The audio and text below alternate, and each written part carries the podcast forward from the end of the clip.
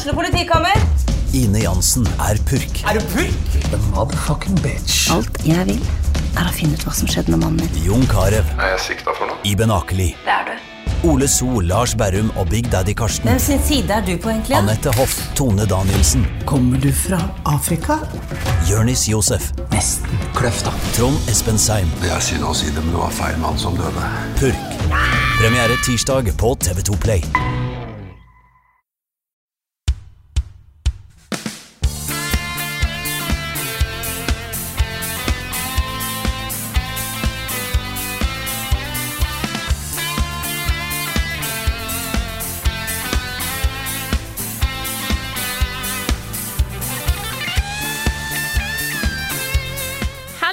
Sammen, og velkommen til en ny episode av podkasten Level Backup med meg, Frida Danmo. Og med meg har jeg selvfølgelig Karl Martin Hogsnes og Rune Fjell Olsen. Hallo, folkens. Hello. Hei, Frida. Nå er det jo eh, vanligvis å spille vi inn på en torsdag og legge den ut på en fredag, og det blir alltid rot i dagene, men i dag spiller vi den jo faktisk inn på en fredag og legger den ut på en fredag, så i dag skal det jo faktisk ikke være noe problem der. Nei. Men jeg har en litt dårlig nyhet, da. OK? Ok? Jeg har eh, vært hos, for jeg har følt meg litt dårlig eh, denne uka her. Så jeg har vært hos legen, da, og legen konstaterte at jeg har blitt smitta av noe som man kaller stadia. Og han Ja. målte det til hele 10,7 teraflop. Shit. Så eh, Shit, Det er ganske ille, altså. Det er altså. alvorlig. det er ja, det er ganske teraflops. alvorlig.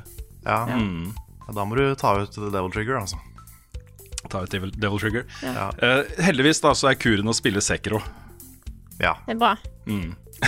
For det som er fordelen, Det er hvis du dør, hvis du dør, dør, dør, dør av sykdommen, så går det jo greit. Ikke sant? Ja, for du kan dø to ganger. Ja, ja. Dette var da to, to hint om hva som blir fokus i denne episoden, tenker jeg. Kanskje? Ja.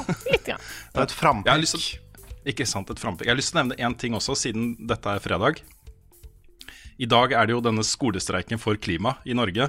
Eh, ungdommer over hele Norge er ikke på skolen i dag. De, sk- de skulker rett og slett for å markere at nå er det alvor, liksom. Vi må jobbe med klima. Og jeg har så sansen for det. Jeg er så jeg syns det er så kult at de gjør det. Og ikke minst hun Greta Thunberg, som jo har satt i gang hele den bevegelsen her. All applaus til hele- henne, ass. Herregud, for ei I jente. hele fjor høst så streika hun hver fredag. Så var hun ikke på skolen for å markere dette her, ikke sant. Så hun har starta hele bevegelsen. Og for meg har hun blitt sånn der Che Guevara-T-skjorte-ikon, ikke sant. Ja, ja. Det det er så kult. Det er kjempekult. Det er det. Men det er Ungdom i så- dag er bra kids. Ja, fy fader. Men det er en så viktig sak. Det er sånn, Nå er ikke vi en politisk uh, podkast, men fy fader, miljøet vårt er viktig å ta vare på. Eh, Mm. Det som en ser om at, liksom, at mange politikere kanskje sier at de skal gjøre ting, men så skjer det ikke så mye. Vi er nødt til å ta noe tak. Vi er nødt til å gjøre noen store, drastiske endringer. Eh, det hjelper ikke å si ja, vi kommer til å være avhengig av olje mange år framover. Da gjør vi. Da er det klart. Men hvis ikke vi gjør noe nå, så er ikke vi klare for å bytte over til noe annet. Fordi at vi har ikke giddet å bry oss. Det kommer ikke av seg sjøl. Det gjør ikke det. Jeg blir så provosert. Jeg leste en sak i Dagens Næringsliv i dag. Se på meg, jeg leser Dagens Næringsliv. Nei, men saken gikk rett og slett på at oljeprodusentene, de som henter ut olja, de har liksom satt opp et gir, da, fordi de forventer at det vil komme mange begrensninger på hvor mye olje de kan hente opp i fremtiden, ikke sant. Så nå bare tar de ut ekstra mye, bare sånn at de kan skynde seg å få ut så mye olje som mulig før de ikke får lov til å ta ut så mye mer olje, ikke sant. Det, er, altså det beskriver jo hele situasjonen. Altså business kontra eh, miljø, ikke sant. Ja. Men jeg vet jo òg at de har jo sett på at de store oljeselskapene har jo for ti år siden så så de at eh, klimaendringer var en ting. Men de gjorde ingenting med det. Niks. Fordi at de Nei. Kommer jo ikke til å tjene penger på det. Det er så synd! Altså, det, eh, vi lever i en kapitalistisk verden, og sånn er det. Det har sine, gode, det har sine fordeler, det har sine ulemper. Men det er så jæklig dritt når folk, eh, spesielt store firmaer, begynner å tukle med bevis, eller, eller liksom skjule bevis for å fremme sin egen sak. Selv om ting kan være skadelig for helsa til folk eller planeten vi bor på. Da snakker jeg både om eh, sukkerbransjen, som har vært jævlig shady. Eh, tobakksbransjen, som har jo vært jævlig shady. Og oljebransjen nå. Og det er så dritt at det skal være en case. Vær så snill, kan vi slutte med sånt? Kan vi ikke prøve å gjøre verden vi bor på, verden vi bor i, til en litt bedre plass. Please. Og Det er derfor jeg syns det at det er en, en eh, 16 år gammel eh, person da, som Greta, som står i front for dette her, og får med seg liksom skoleungdom over hele verden på den markeringa. For hennes perspektiv er jo eh, et annet enn det som klimaarbeidet er i dag. For der tenker de liksom å halvere slippene innen sånn og sånn, og det er bare 20-30 år inn i fremtiden, ikke sant. Men hvis hun blir 100 år gammel, da, så er det jo liksom Vi snakker jo langt forbi det målet, og hun skal kanskje få barn, og de skal kanskje få barn, ikke sant. Så det fokuset da på, uh, på hva slags verden vi etterlater barna våre, er det viktigste. Ikke sant? Det, er ikke, det betyr ingenting at jeg kanskje blir eh, 80, da. Eller noe sånt. Det er mange andre som skal komme etter, ikke sant. Ja. Så stå på krava der, og bare kjør på. Drit i alle disse voksne menneskene som eh, latterliggjør dere fordi dere skulker og ikke vet hva som foregår her i verden og sånne ting. Ja, de, altså Voksne mennesker i maktposisjoner som nå henger ut de kidsa her. Ja.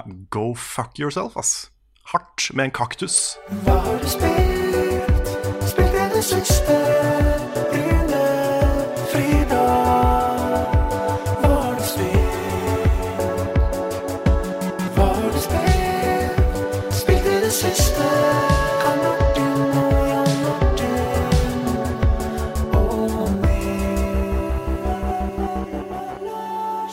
Det har jo kommet ut kanskje et litt sånn stort spill siden sist. Kanskje. Jeg vet ikke hva vi snakker om. Nei. Nei. Det, Det var litt morsomt. Vi satt i går og skulle spille en podkast. Vi satte oss ned for å spille en podkast. Ja ja, vi Og så var millimeter starter- unna. Ikke sant? Uh, og så starter det først med litt sånn tekniske problemer. Og mens vi driver og prøver å finne ut av de tekniske problemene, så begynner vi å snakke om når er det egentlig Sekiro lanseres. Og så fant vi ut at det er ganske stor sannsynlighet for at det lanseres ved midnatt. Og så begynte vi å se at det er mulig å sette opp VPN. Spille det kanskje enda litt tidligere. Og så, og så ble det sånn Vet du hva, vi spiller den podkasten her i morgen. Også i dag, da. Nå. Fredag. Ja. Hvis det er noen som er jeg, skjønner at noen kanskje er redd for at vi kommer til å snakke mye om Sekiro, fordi vi har snakka mye om Bloodborne og vi har snakket mye om Dark Souls.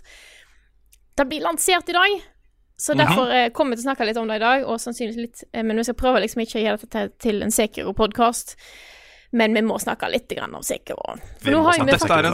Ja, denne men- episoden er en Sekiro-podkast. ja. I hvert fall Og- mens vi snakker om Sekiro. Ja. Ja, ja, ja, ja, men du skjønner hva jeg mener, da. Eh, det blir òg en senere blir det en Stadia-podkast. Så eh, Ja, nei, eh, vi har jo faktisk alle sammen spilt faktisk spillet. Jeg har ikke spilt da Jeg har kommet til første checkpoint. Så det, det, det er noe. Ja Bra jobba. Det er mange som eh, aldri kommer seg forbi det første checkpointet, Frida. Så du, du er i hvert fall der, liksom. Ja. Mm. ja. ja Men dere, har jo, eh, dere har jo spilt det litt lenger enn meg, tror jeg. For jeg tror noen har, Dere har en litt annen døgnrytme enn det jeg har. Skal jeg innrømme. Mm. Ja, I dag så måtte jeg prøve, eller i går da, måtte jeg prøve å legge meg tidlig, fordi vi skulle jo opp og spille inn podkast. Ja. Men jeg eh, var en av de som brukte VPN for å spille Sekiro litt tidligere. Så jeg har nå fem timer i, i spillet. Det er nice. Men Carl, Mm. hva er førsteinntrykket ditt? Jeg glemmer for hver gang hvor sinna jeg blir av nye FromSoft-spill. Fordi eh, det er jo litt som Rune, som Rune sa på Twitter, at det er ikke så mye overførbar skill her fra Bloodborne og Dark Souls til Sekiro. Det er noe av det. For du har jo den samme, det er den samme spillmotoren, eh, samme, delvis samme kontrollsystemet. Og hvis du er vant til liksom dodging og eh, angrep og sånn fra Souls, så kan du bruke litt av det her. Men det er så mye på toppen. Ja. Og det er, en, det er en ganske risky ting å gjøre også med de spilla. Fordi de er, de er vanskelige, men de er, meka de er mekanisk veldig enkle. Mm. Så det å gjøre dem mer kompliserte er jo en risk, sånn sett. Men Souls har jo hatt parrying før. Enten med skjold eller med guns i Bloodborne. Mm. Og nå har du da et uh, nytt parry-system som, som du er mye mer avhengig av for å komme gjennom uh, forsvaret til fiender og sånn. Og det er lettere å bruke. Altså det er lettere å parry nå enn det var. Ja, I tillegg så får du jo Du får jo også sånne hint nå på om du kan parry eller ikke. Ja. Så Du får sånne symboler på skjermen som forteller deg om du Ok, nå bør du dodge eller hoppe isteden. Mm. Men det som er tingen der, er at du kan parry de òg. Ja, ikke sant? Men du kan ikke bare forsvare mot de. Så du må enten unngå de, eller få en perfekt parry. Nettopp. Så det er veldig sånn high risk-opplegg. Mm. Så hvis du er god i parrying og klarer å venne deg til den nye timinga, for den er mye mer instant nå Det er ikke den der at du må vente på fienden sin animasjon og så vente på din animasjon. Mm. Det er sånn rett på. Så det å avlære seg timingen da, fra forrige spilla til det, dette her, det er en utfordring, merker jeg.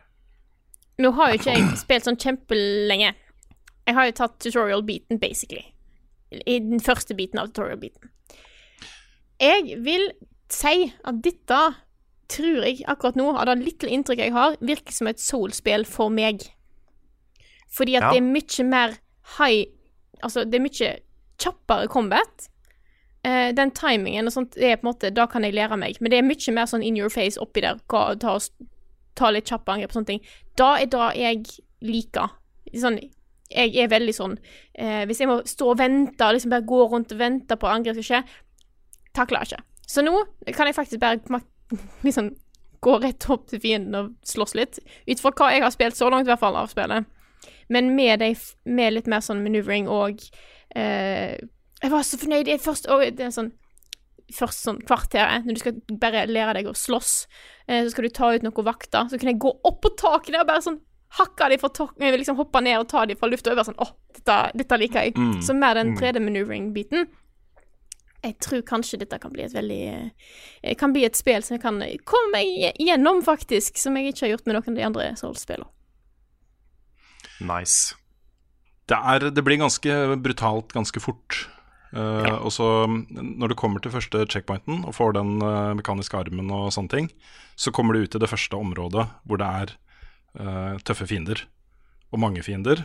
Um, og også et par Altså en general og en miniboss. Eller er det en fullboss? Jeg har, ikke helt, trollet, jeg har liksom. ikke helt skjønt hva som er bosser og hva som er minibosser. Nei, jeg er ikke helt der sjøl, altså. For jeg, får, jeg venter liksom på de der svære Ikke sant? Men eh, ikke kommet dit ennå, da. Men de er vanskelige, liksom. Altså, den første generalen er der for å forberede deg på hva du har bita ut på, ikke sant. Mm. Og du kan løpe forbi den, men jeg anbefaler å ikke gjøre det. Jeg anbefaler å bli der, ta den dumme generalen. Det er rett ved et checkpoint. Mm. Um, få det til, liksom. Ja, Men da, jeg må annet, si eh, er at jeg er veldig glad for at den Gordon du har, refiller seg. At vi er Ja. mer på, på måte Dark Souls-tilnærmingen til det enn Bloodborne-tilnærmingen. Da kan det gjøre at jeg kan komme igjen dette her. Og det er akkurat det jeg så da jeg sto opp i dag og så tweeten din, Rune, eh, om at ting ikke var så enkelt. Eh, og folk hadde sittet fast i timevis på den, den generalen der. Så jeg ser bare sånn Å ja, jeg har ikke kommet til det, jeg har ikke kommet til spillet ennå, jeg. Så det er derfor jeg er veldig på en måte eh, var på å uttrykke meg om hva jeg syns om spillet ennå, for jeg innser at jeg har ikke I haven't seen it all yet. Jeg tror ikke det var generalen han hadde stått fast på. Jeg tror det okay. var en annen boss. Ah, OK. Så, men men jeg tror folk kan stå fast der i tre timer. Fordi det er uh, Det er fullt mulig. de, Han er en tank, liksom. Du må bruke mye damage for å få den ned. Uh, og selv om du på en måte ikke cheeser den, men selv om du tar en sånn critical attack på den først, for det kan du gjøre For han har jo to Ja. sånne health bars sånn her. Du må ta den to Det er ganger, sånn- ikke sant? Prima tips i starten. Bare prøv å liksom ta en stealth attack på bossene. For da Mm. halverer du basically kampen. Det er akkurat det det gjør. Men selv da blir den Den er lang, liksom. Det er en lang og, og seig fight. Og du har så lite helse at du basically Tre-fire solide angrep fra han, så er du dau, liksom. Så, så den er tøff. Men det som jeg syns var litt morsomt her Jeg har ikke spilt så veldig langt, men jeg har spilt starten to ganger. Og fått to fullstendig forskjellige opplevelser. For jeg spilte da i natt på PlayStation 4. Eh, Og da var jeg litt sånn der, vet du hva, det her går ikke så bra. Jeg prøver å liksom bare komme meg litt videre, se hvor langt jeg kommer. da Så jeg løp forbi fiender, stealtha, og det kan du gjøre ganske mye her. Eh, Og kom da til eh, Det er sånn troll-lignende ting som er bundet fast. Eh, Ikke sant? Og det, dit kom jeg, da. Så starta jeg på nytt i dag tidlig, på PC. Og da bestemte jeg for nå skal jeg drepe alt jeg skal lære med dette spillet. her Drepe alt, Jeg skal ta generalen, jeg skal ta alle sammen som er der. Og Det som skjedde da, var at jeg oppdaga en MPC. Som, når jeg snakka med den, så tok jo spillet en helt annen retning. Da var jeg et helt annet sted. Det ble transportert liksom Det er litt sånn spoiler å si akkurat hva som skjer, da. Men øhm, Har jeg gått forbi han?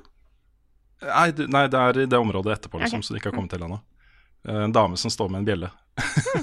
Eh, som du kan bruke på et spesielt sted, og da skjer det et eller annet. Så da brukte jeg all resten av tiden der, ikke sant, på det stedet. Og det er jo dritfett. Det er jo kjempekult. Og det er der også du får de to første oppgraderingene til den mekaniske armen. En øks og så en sånn flammeting. Og da kan du begynne å liksom tenke skjold, hvordan skal du ta ned skjoldet med øksa, og så kanskje bytte til, ikke sant. Og så blir det mer taktisk, da. Ja, fordi det er nok veldig mange som kommer til å slite med han, eh, han kjempen, eller han trollet. Mm, For han er, han er tøff. veldig. Han er veldig, veldig vanskelig. Også seinere. Men hvis du sliter veldig med han, så gå dit først. Mm, For der Enig. finner du eh, noe han er svak mot. ikke sant. Så, så det er eh, bare Mitt tips, da, er ta deg god tid. Og bruk, bruk liksom Bare kos deg med startområdet. Ikke være stressa på å dø, liksom. Bare teste ut forskjellige ting. Det er masse fiender, de gjenger opp mot deg. Bare bruk den der miljønavigeringa og eh, vertikal eh, traversering og stikk av, liksom. Hvis det er for eh, intenst, da, så prøv å lokke én og én ut. Og? Vær litt taktisk. Lær deg dette spillet, så blir det en mye mer behagelig opplevelse. Så nå føler jeg at jeg er inni det. Jeg dør fortsatt av og til, liksom, men skjønner det mer, da. Det er jeg gleder meg så til du kommer til han fyren fra Mysen. For det er en sånn der, Jeg husker ikke hva han heter, men et eller annet of Mysen. Og, eh, og han da, Han var grunnen til at jeg var sinna i går. Ja, nettopp. Jeg stanga der tror jeg i hvert fall halvannen time. Ja, Mm. såpass. Og, men det var fordi, altså Det var ikke det at jeg gjorde feil, men jeg bare gjorde det ikke med nok selvtillit. Så det var sånn jeg måtte bare skjønne akkurat hva jeg skulle gjøre. Mm. Jeg skulle få den der eh, posture-meteren hans opp. Og da gikk det til slutt, da. Mm. Men igjen, når det endelig går da Det er jo Du jubler jo. Bruker Ja, ja. ord som jeg vanligvis ikke bruker. Så det mm, Det er litt magisk. Mm. Det er hardt, men det er magisk. Jeg hadde et sånt perfekt uh, Soulsborne-øyeblikk uh, i dette området her, da, hvor du finner den dama med den bjella. Og jeg hadde renska det. Jeg hadde tatt generalen. Jeg hadde tatt, uh, Det kommer en sånn liten miniboss uh, inn der etter hvert. Tatt alle sammen. Alt var klart. Jeg hadde snakka med MPC-en, fått bjella. Alt var liksom rydda. Og så tenkte jeg ok, jeg, nå kikker jeg liksom. Jeg går rundt og kikker. Er det mer jeg har missa her? Kommer da bak huset til hun dama med bjella. Der er det en item. Plukker opp den, og da er det tre sånne dumme drittkråker som gjemmer seg i det gresset, og da dauer jeg. Der dauer jeg. Oi. De har ikke jeg møtt. Nei, Men jeg har møtt, jeg har møtt svære kyllinger. Altså svære høns. Ja, det er kanskje høner det var. Sånne svarte Ja, Ja, det er er, nok ja det da, da er jeg med. Da er jeg med. Ja. Så, så var jeg, og da hadde jeg liksom vært så flink, da. Jeg hadde brukt alt jeg hadde av pellets og helse og alt mulig rart, liksom. Uh, og så daua jeg. um, Ja. Det er noen, det er noen sånne morsomme frampek, da. Det er ting jeg ikke har sett ennå. Men um, jeg har jo funnet noen sånne svære røde fisker. Og de Ja. får du noen sånne upgrade-materialer av. ja, en fyr som sitter i en tønne. Ja, ja, tror jeg ikke jeg har møtt. Ja, det er, Du kan snakke med en fyr i en tønne uh, på det området som jeg snakka om, som er litt sånn spoilerish. Ja, Så sitter en fyr i en tønne, du kan snakke med han, han sier han vil ha karpeskjell. Hvis du gir Ja, han karpeskjell, karpeskjell, så gir han deg noe verdifullt. ja ok, da må jeg finne han. Mm. Men uh, Nei, for jeg husker ikke hvilken sammenheng, men jeg fikk noe info om at liksom, du, må, du må jakte på de røde. Men pass på, for det er en man-eating fish et sted. Det er sånn, ja, skal jeg bare, Da kommer jeg bare til å tenke på det. Nettopp. Sånn, Hva hva i all verden er den der man-eating fish-greia? Kommer sikkert til å dukke opp når jeg minst trenger det. Selvfølgelig. Mm. Det som vi har snakka litt om på forhånd, er jo hvor likt er dette spillet de andre spillene til Miyazaki og From Software. Og jeg ble veldig glad når jeg oppdaga at det her følger jo den, akkurat den samme malen. Også det er såpass mye gjenkjennelig i oppbygningen av dette spillet her, at det føles som en forlengelse av den serien vi er så glad i. Ikke sant? Ja, det gjør det. Så Sam- samme samtidig, måte med, Nei, Gå først. Ja, nei, altså med at du har en, en flaske ikke sant, som du bruker til å eh, helse ting. At du har alle disse itemene som gir deg forskjellige buffs og debuffs og eh, midlertidig helse og midlertidig strength og sånne ting. At du har eh, disse avgrensede områdene med liksom mange forskjellige veier inn og ut. Og plutselig så låser det opp en snarvei som gjør at du kan få kjappere tilgang til osv. Det er så mange av de tingene da, som føles likt. Som føles liksom som en del av den familien, ikke sant. At, Det er sant. Uh, at uh, man fort kan se dette bare som en, et nytt spill i Soulsborne. Men jeg vet ikke hva vi skal kalle det. da Soulsborne Sec, eller noe sånt. Ja, nå er det vanskelig. Men det er nok det spillet som er lengst unna de andre, sånn designmessig. Ja, det er jo fordi du spiller det annerledes, ikke sant. Ja, og du har, ikke, så du har jo et progresjonssystem, men ikke det samme. Det er ikke sånn at Nei. du leveler opp stats eh, på, den, på samme måten. Mye mer actionfokusert. Du kan hoppe, du kan grapple. Og den grappling-hooken, den har jeg lyst til å bare trekke fram. For den er dritkul. Og den funker så bra. Den er, den er bare så smooth. Jeg var redd for at liksom, ok, hvis jeg har en feil vinkel når jeg bruker den, så kommer jeg til å bli stuck på en eller annen trege, altså grein og bare dette ned. ikke sant? Men det skjer ikke. Nei. Det bare funker. Hmm. Og det, det føles liksom helt naturlig å gjøre det midt i en fight og alt mulig. Så det er, eh, den er, det er bare sånn perfekt inclusion. Altså. Det er gjort et veldig veldig godt grep der ved at du ikke kan ramle av, av edges. Ja, du kan, men du dør ikke av det. Uh, nei, altså du dør ikke av det, men heller sånn står du på kanten av et stup så, og går mot stupet, så går du ikke over kanten. Da må du faktisk hoppe, liksom. Mm. Du må hoppe, du må være i lufta, da. Uh, og det samme gjelder jo når du står på en grein, ikke sant. En, uh, eller et tre, eller hva som helst. Så står du der. Det er ikke sånn at du, hvis du bare beveger på deg, så ramler du av litt, ikke sant. Du må Mm. faktisk gjøre noe aktivt da, for å komme deg av den greinen. Det er sant. Det er, eh, det er, riktig, også, det er en riktig måte å gjøre akkurat det systemet der på, syns jeg. Mm. Du kan fortsatt bli kasta utafor også. Ja da, det Mulig det har skjedd. Mm. Mm. Men den videoen som ligger på, på denne podkasten her, for de som ser den på YouTube, er jo min andre gjennomspilling. Jeg er litt glad for at jeg kunne legge på en ny gjennomspilling. I stedet for det første jeg hadde på PlayStation, liksom. Jeg vet ikke om jeg tør å vise mine første fire timer. Nei, ikke sant? Det er mye flaut der, altså. Mye pinlig, men uh, ja ja, sånn er det. Men, men en ting jeg må si, da. For det, det er et sted der var, altså det var han fyren fra Mysen som jeg drev og sanga på. Mm. Det var en liten vei for å komme opp til han. Og den mestringsfølelsen jeg fikk av, av den veien etter hvert, Mm. det var ganske digg. For det var mye forskjellige fiender. Så det er liksom stealth attack på han, og parry på han, og bare one-shotter han, løper bort på han. Og så er det to stykker med skjold, bare ta fram øksa og bare smekke det, Skjoldet fins ikke lenger. Og du bare har sånn der lang sånn der kjede med sånn åtte-ni fiender som bare dør. De har ikke sjans, og du, og du ser kul ut mens du gjør det. Jeg vet akkurat hvor du er nå. Jeg, jeg ser for meg, så for meg alle de fiendene, Karl. Ja. Så det, det var gøy. Mm. Så du får etter hvert veldig sånn sterk mestringsfølelse, og det kommer til å se dritkult ut å spille når man er god. Ja, det er akkurat det. Mye mer enn i eh, andre FromSoft-spill.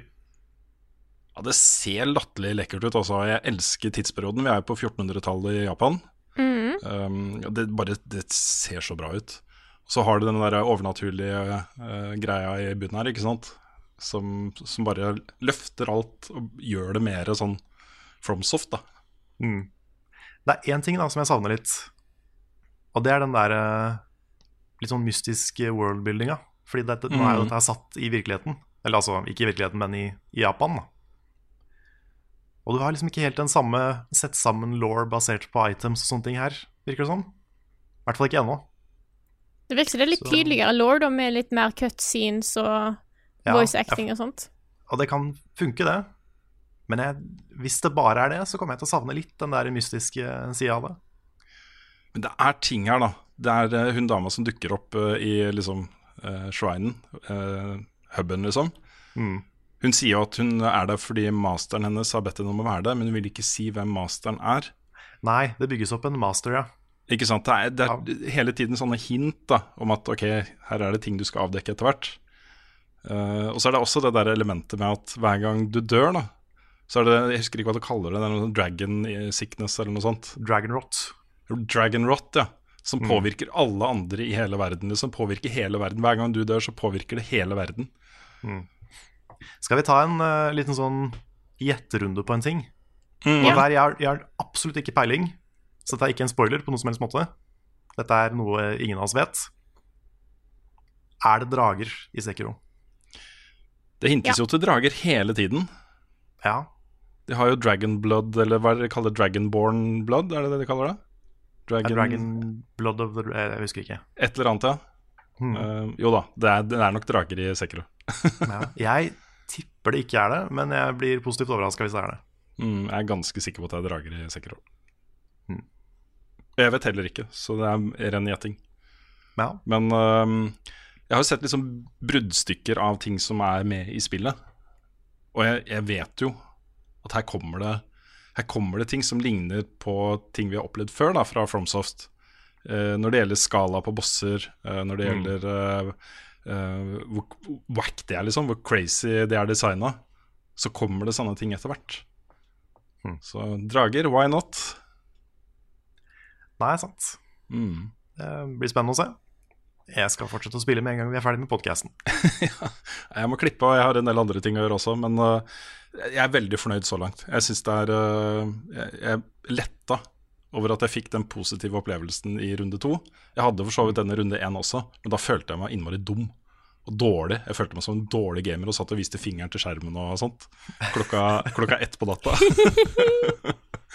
så, så i dag tidlig så hadde jeg en fin, en fin, herlig opplevelse. Og da ble jeg sånn letta, da.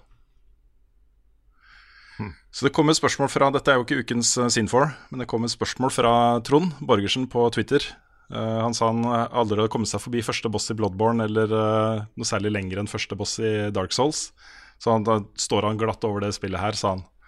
Og det er liksom, Ja. Jeg syns jo det er litt synd, også, fordi det er en kneik, og jeg vet at folk har, spiller, du, spiller du en del spill, liksom, så kommer du deg over den kneika. Det du Ja, ja. får da, er så jækla bra. Ja, det er altså og Jeg tror mange tenker at dette er en sånn kneik hvor du må være 14 år, høy på Red Bull og god i spill. Men du må ikke det. Nei. Det handler bare om tålmodighet, studere fiender Mm. eh, og bare komme seg over den kneika, som, som skjer uansett, Ja etter hvert. Og da, da får du en så mye smoothere opplevelse av resten av spillet. Mm, det er akkurat det.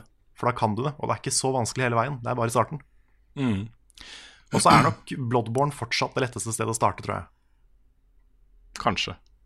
Enten det eller Dark Souls 1, men det er litt eldre. Mm. Men det er jo for så vidt en interessant diskusjon, for jeg tror det spillet her, da, med det knallbra combat-systemet som det har jeg, jeg, jeg personlig Det her må jeg tenke litt på, da. Men min umiddelbare tanke er at det hadde ikke gjort noe om de la inn en easy mode her og la, lot folk bare ha det fett. Uten frykten for å daue hele tiden, liksom. Fordi det er så mye kult å oppleve. Og du hadde hatt det gøy. Da. Det hadde vært et morsomt actionspill. Også hvis det var en easy mode, Ja. tror jeg, da. Mm. Og så kunne heller folk få den der mestringsfølelsen av å spille på Du Kunne bare kalt det normal, ikke sant? Ja, det er det, fordi Altså, generelt, jeg har ikke noe imot easy modes i noen spill, så lenge de er uh, valgfri. Så for min del gjerne bare patch inn en easy mode for de som vil ha det. Det kommer ikke til å skje. Dette er så grunnleggende i filosofien til Miyazaki. ikke sant? Mm. Det er Ja, det dette er han ønsker å tilby spillverden. Mm. Og det er jo ikke noe tvil om at det blir jo litt sånn kultlignende tilstander når du har en gjeng sånn som oss, da, som har klart å komme oss gjennom, forbi den kneika og gjennom alle disse spillene. Den følelsen vi sitter igjen med over å ha fått til den utfordringen, er ganske sterk. da. Eh, og den hadde ikke vært like sterk hvis eh, vi først hadde bare fist gjennom på easy, ikke sant. Nei. Nei, det er sant. Så, så jeg, jeg har respekt for det, men uh, det er synd da at det er mange som ikke får opplevd disse spillene her, fordi de er så vanskelige. Men bare ta utfordringa. Ja, gjør det. You can do it. You can do it. Det er min uh, ektefølte oppfordring til alle som hører på. Bare Du har hørt at det er vanskelig. Det er vanskelig, Mm. men du får det til. Og etterpå Kan så kommer du til å føle at du kan få til hva som helst. Hva som helst. Hva som helst. Kan jeg komme med et spill denne uka som jeg ikke har spilt sjøl? Ja, det er litt utenfor malen, da.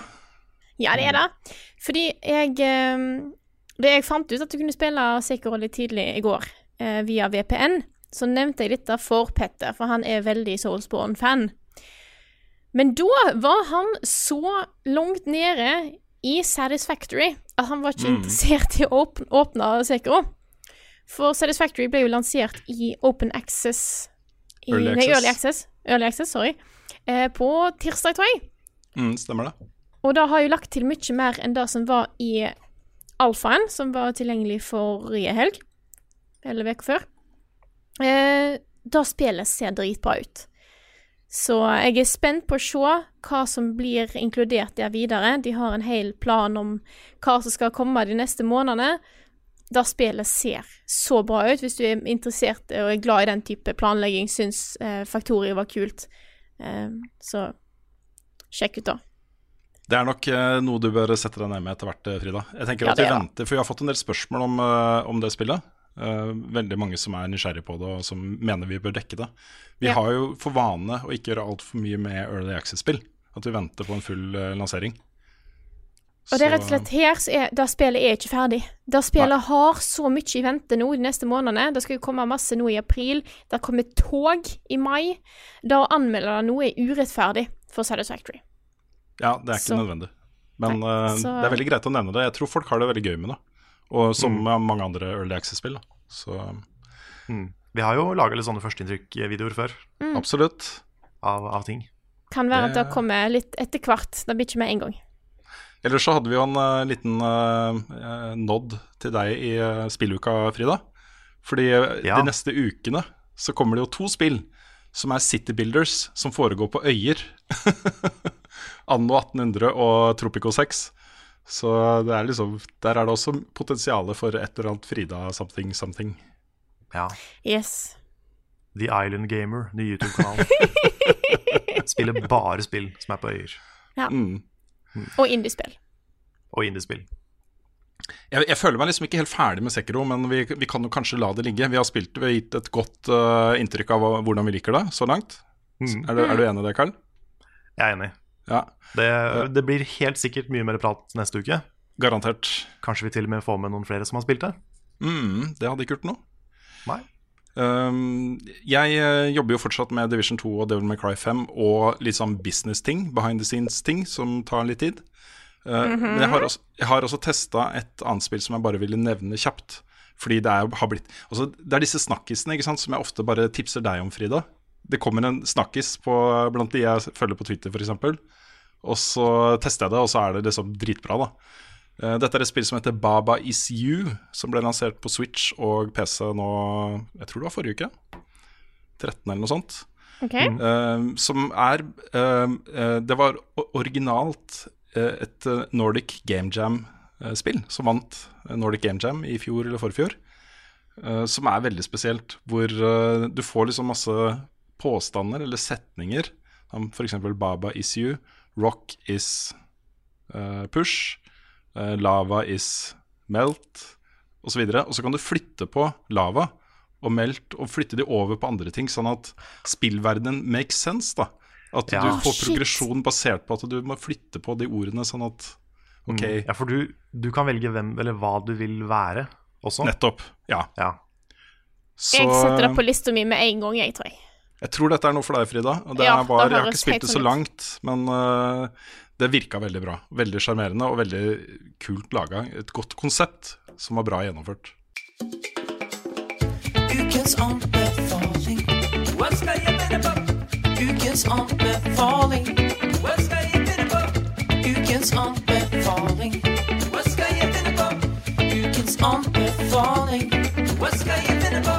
Vi er klare for ukens anbefaling, som i dag blir servert av Rune. Kjør på. Yes, og det her er jo en podkast jeg føler at vi er innom et visst tema nå, fordi vi har hatt kaktuser som har forsvunnet opp steder som Ikke sant? Vi har hatt Sekiro hvor ikke sant? blod og bla, bla, bla. Og det, det jeg skal anbefale, er en Netflix-serie som har alt dette her og mer til, som heter Love, Death and Robots. Det er en animert antologi. Det er 18 forskjellige korte uh, kortfilmer som er an animert, da. Enten helt eller delvis. Um, det de har til felles, er at øh, de er veldig sånn voksne. Også den har 18 års aldersgrense. Det er mye blod og gørr og voksne temaer og sex og pupper og alt mulig rart. da. Noen ganger litt for mye. Noen ganger litt sånn derre Nå skal vi være edgy, dere. Litt sånn vi har fått en avtale med HBO.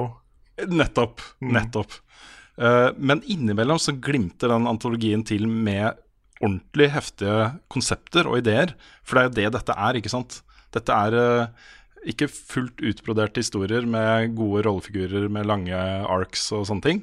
Dette er konsepter, ideer, som får deg til bare sånn åh, ikke sant? Eh, og det er noen av disse historiene her som er konge. Kjempebra. Og ikke minst så er det noen av disse studioene som nærmer seg så sjukt fotorealisme nå på, eh, på datagrafikk at det blir litt sånn at dette er Du føler at du ser litt the future, ikke sant? Så eh, vil anbefale den. Det tar ca. tre timer, tror jeg. Alle 18 er sånn totalt rundt eh, tre timer. Og noen av de er liksom bare tolv minutter lange. Kanskje ti, liksom. Seks. Mens andre er fra 15-20, ikke sant. Så den var øh, en veldig øh, hyggelig opplevelse. Ikke se den med barn. Nei, ikke liksom 'å, tegnefilm'. Ikke sant? Og så har jeg lyst til å bare ta en kjapp eh, liten eh, bonusanbefaling. For jeg fikk et tips fra Johan Martin Seland på Facebook, som anbefalte et uh, album uh, som heter Fanerosoic 1 Paleozoic, fra et band som heter The Ocean. Ja. Vi er nesten over i prog-verdenen her, men ikke helt. Fordi han sier at det er det beste moderne metal siden Gojira, og da ble jeg sånn Yes, det vil jeg høre på. Det er megabra. Men det hadde jeg ikke klart å google basert på det du sa nå. Nei, jeg vet det. The Ocean, bare søk på The Ocean. Det var første treffet mitt på Spotify, i hvert fall. Så kom det opp. Det, det som eh, er, det er utrolig bra musikk, og Goshira-sammenligningen er ikke så aller verst også. Det er mye tematisk uh, i samme gate der. Men det er én ting som slo meg når jeg hørte på det, fordi det, dette er jo sånn kvelertak, sånn stemme som Det er ikke så lett å få tak i hva de faktisk sier, ikke sant? Og man risikerer jo, tenker jeg da, hver gang jeg hører sånne album, å sitte der og høre på liksom I like to sleep with cows and sheep. ikke sant? Altså, Ja. hva, er det de sier, hva, hva er det man egentlig hører på, ikke sant? Mens jeg sitter der og bobber med hodet og er, liksom, spiller litt uh, luftgitar og Det er sant. Ja, enten hvis De det er liksom utydelig tekst eller et annet språk, så er det fort gjort Ja. å tenke sånn. Fort gjort, men uh, jeg tipper Jeg satser på at, uh, at Johan Martin er en decent fyr som ikke ville anbefalt sånne ting for stakkars meg. Det er i hvert fall eh, Musikken kan jeg anbefale på det aller, aller varmeste. Det er tungt og dritbra.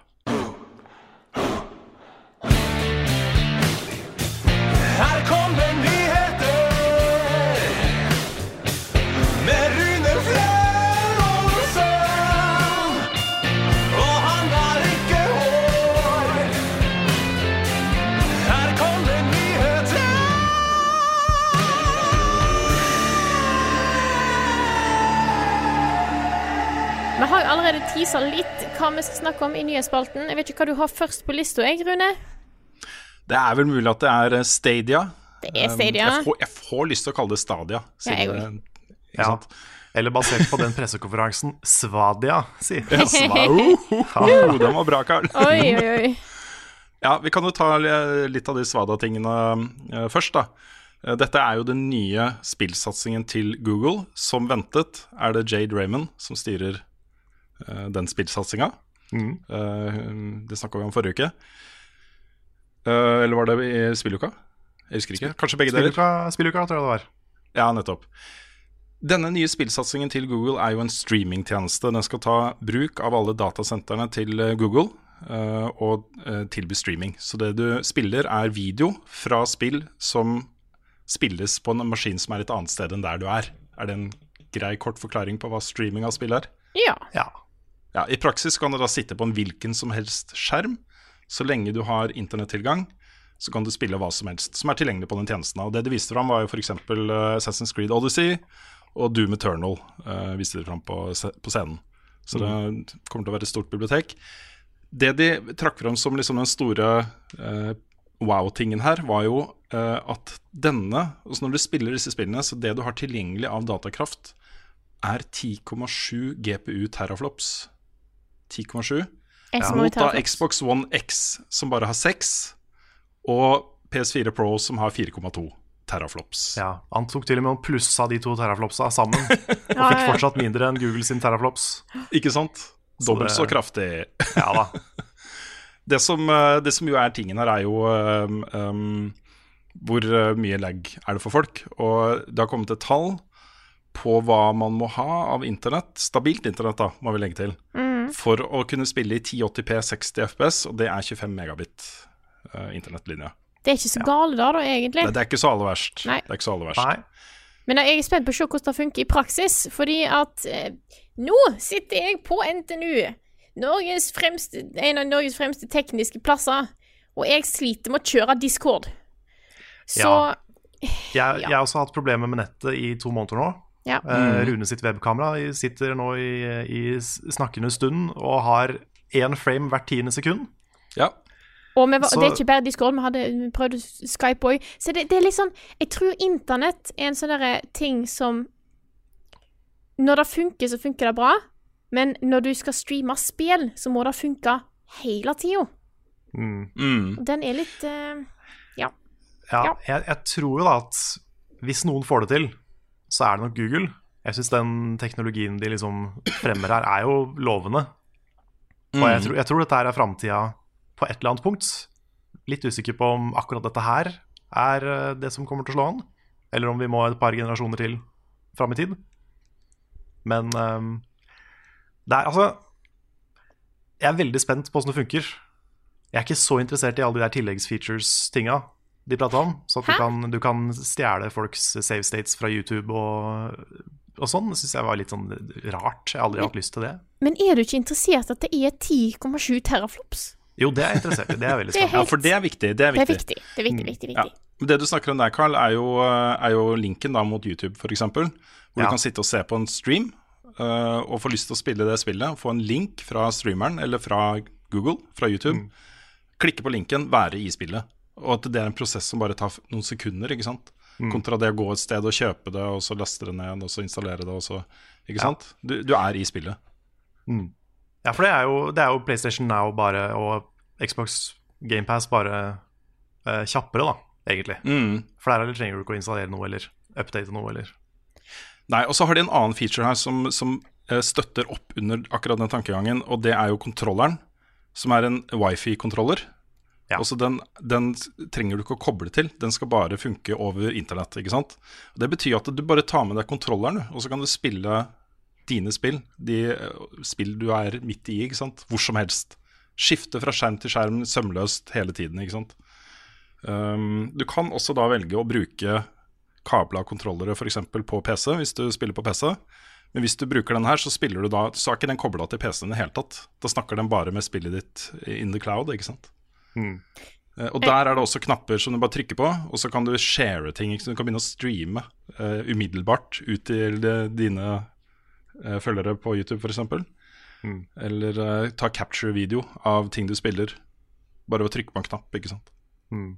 Det er jo en liten sånn elefant i rommet, da. Twitch. Ja. ja. Alle bruker jo Twitch mye mer enn YouTube til streaming. ja da. Mm. Eh, så om det, da må, de er jo avhengig av at det forandrer seg, ja, mest sannsynlig. Jeg For at dette skal eh, være så sømløst. Tingen som jeg òg tenker på, og det er, det er en ting som, som ofte dukker opp på, på internett, er det at folk er ikke så fornøyd med YouTube som kanal, Nei. eller som plattform akkurat nå. Og har ikke vært det på en stund. Nei. Google er et svært firma. Da Hvis de vil at YouTube på streaming og alt dette her skal bli Altså skal bli markedsledende, på, spesielt på streaming nå her, så har de litt ting å fikse på den plattformen sin. Mm. De kan ikke Det, det, det virker de, Altså, det blir jo ikke nødvendigvis kjempe kjempeviktig i en sånn gaming-situasjon, for det, de, altså, de største problemene på YouTube handler ikke nødvendigvis på liksom gaming og streaming og det der greiene der. Men når de har lyst til å bruke YouTube Mm. Det handler om algoritmer og ja, Ja. Sånne Ja. ting. ja. Det er, det, det er Det er fascinerende hvor lite kontroll YouTube har på YouTube. Mm. Ja, det er helt sant. Så jeg, jeg tror jeg, inklu- altså Hvis du ser på, på Dada, som er på en måte en ting som ligger baki der, det er ikke nødvendigvis det største problemet jeg ser for meg med Stadia. Uh, jeg kommer til å kalle det Stadia, for det gjør det enklere for meg å si. Men det heter Stadia. Uh, jeg ser for meg tre ting som vil gjøre om dette her er make or break. Pris, stabilitet og spillbibliotek. Selvfølgelig. Mm. Det er alfa og omega, og de tre Ja. tingene vet vi ikke om Nei. har vi ikke detaljene om ennå. Nei. Nei, Nei for det er, det er viktig. Sånn er det Vi vet ikke engang om det er en subscription-modell, eller om man kjøper spill hver for seg. Mm. Da er det vel eh, YouTube Premium da, som de vil få oss inn på igjen. Ja. Nei, men det er, jeg er veldig enig med det du sier, Frida. At eh, YouTube, i den formen YouTube er nå, har jeg ikke lyst til å integrere enda mer i samfunnet, kjenner jeg. Det er Det, som- jeg sy eh, fiks algoritmer og ban your nazis. mm. dette er et interessant moment. Også det er så lett å bli, bli litt blenda av teknologiske ting og tilgjengelighet og sånne ting. Men jeg, jeg syns jo vi ser starten på disse dystopiene vi har eh, sett så mye av i film og, og sånt nå. Fremtidsscenarioer hvor uh, du har liksom megabusinesses som styrer alt og har full kontroll over livene våre og sånne ting. Google er på vei dit, og Huawei sant, som kjøper opp eh, båndbredde over hele verden og infrastruktur og sånne ting. ikke sant? Det er ting på gang der, da. Ja. Disney, Disney, kjøpte nettopp opp Fox, Fox. Så eh, Nettopp. Sant? det er litt stor det er, det er ikke helt bra at det er så mange store firmaer som har så mye makt, altså. Da liker jeg ikke. det er makt det er. Dette er det. makt. Dette er makt over livene våre. Um, og det er liksom Ok, ha det i bakhodet, folkens. Også politikere og alle som sitter og skal vurdere liksom sånne ting.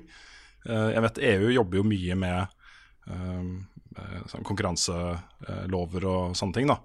Uh, og jeg ser at uh, Elizabeth Warren, som er en av presidentkandidatene i USA, gikk ut på South by Southwest i et foredrag der og oppfordra til Altså hun skulle jobbe for at Apple og Google og Facebook og de store ikke fikk lov til å eie så mye som de gjorde. At de måtte selge unna virksomhet for å ikke være for markedsdominerende.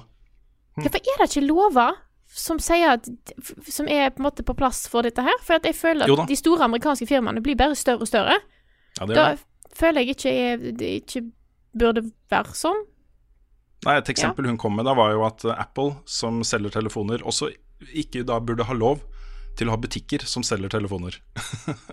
så det er eh, ikke sant, som et konkret eksempel. Da. Nå, nå går vi langt ut på uh, Ja. liksom det store bildet, og det er veldig bra at vi gjør, for det er viktig å snakke om de tingene.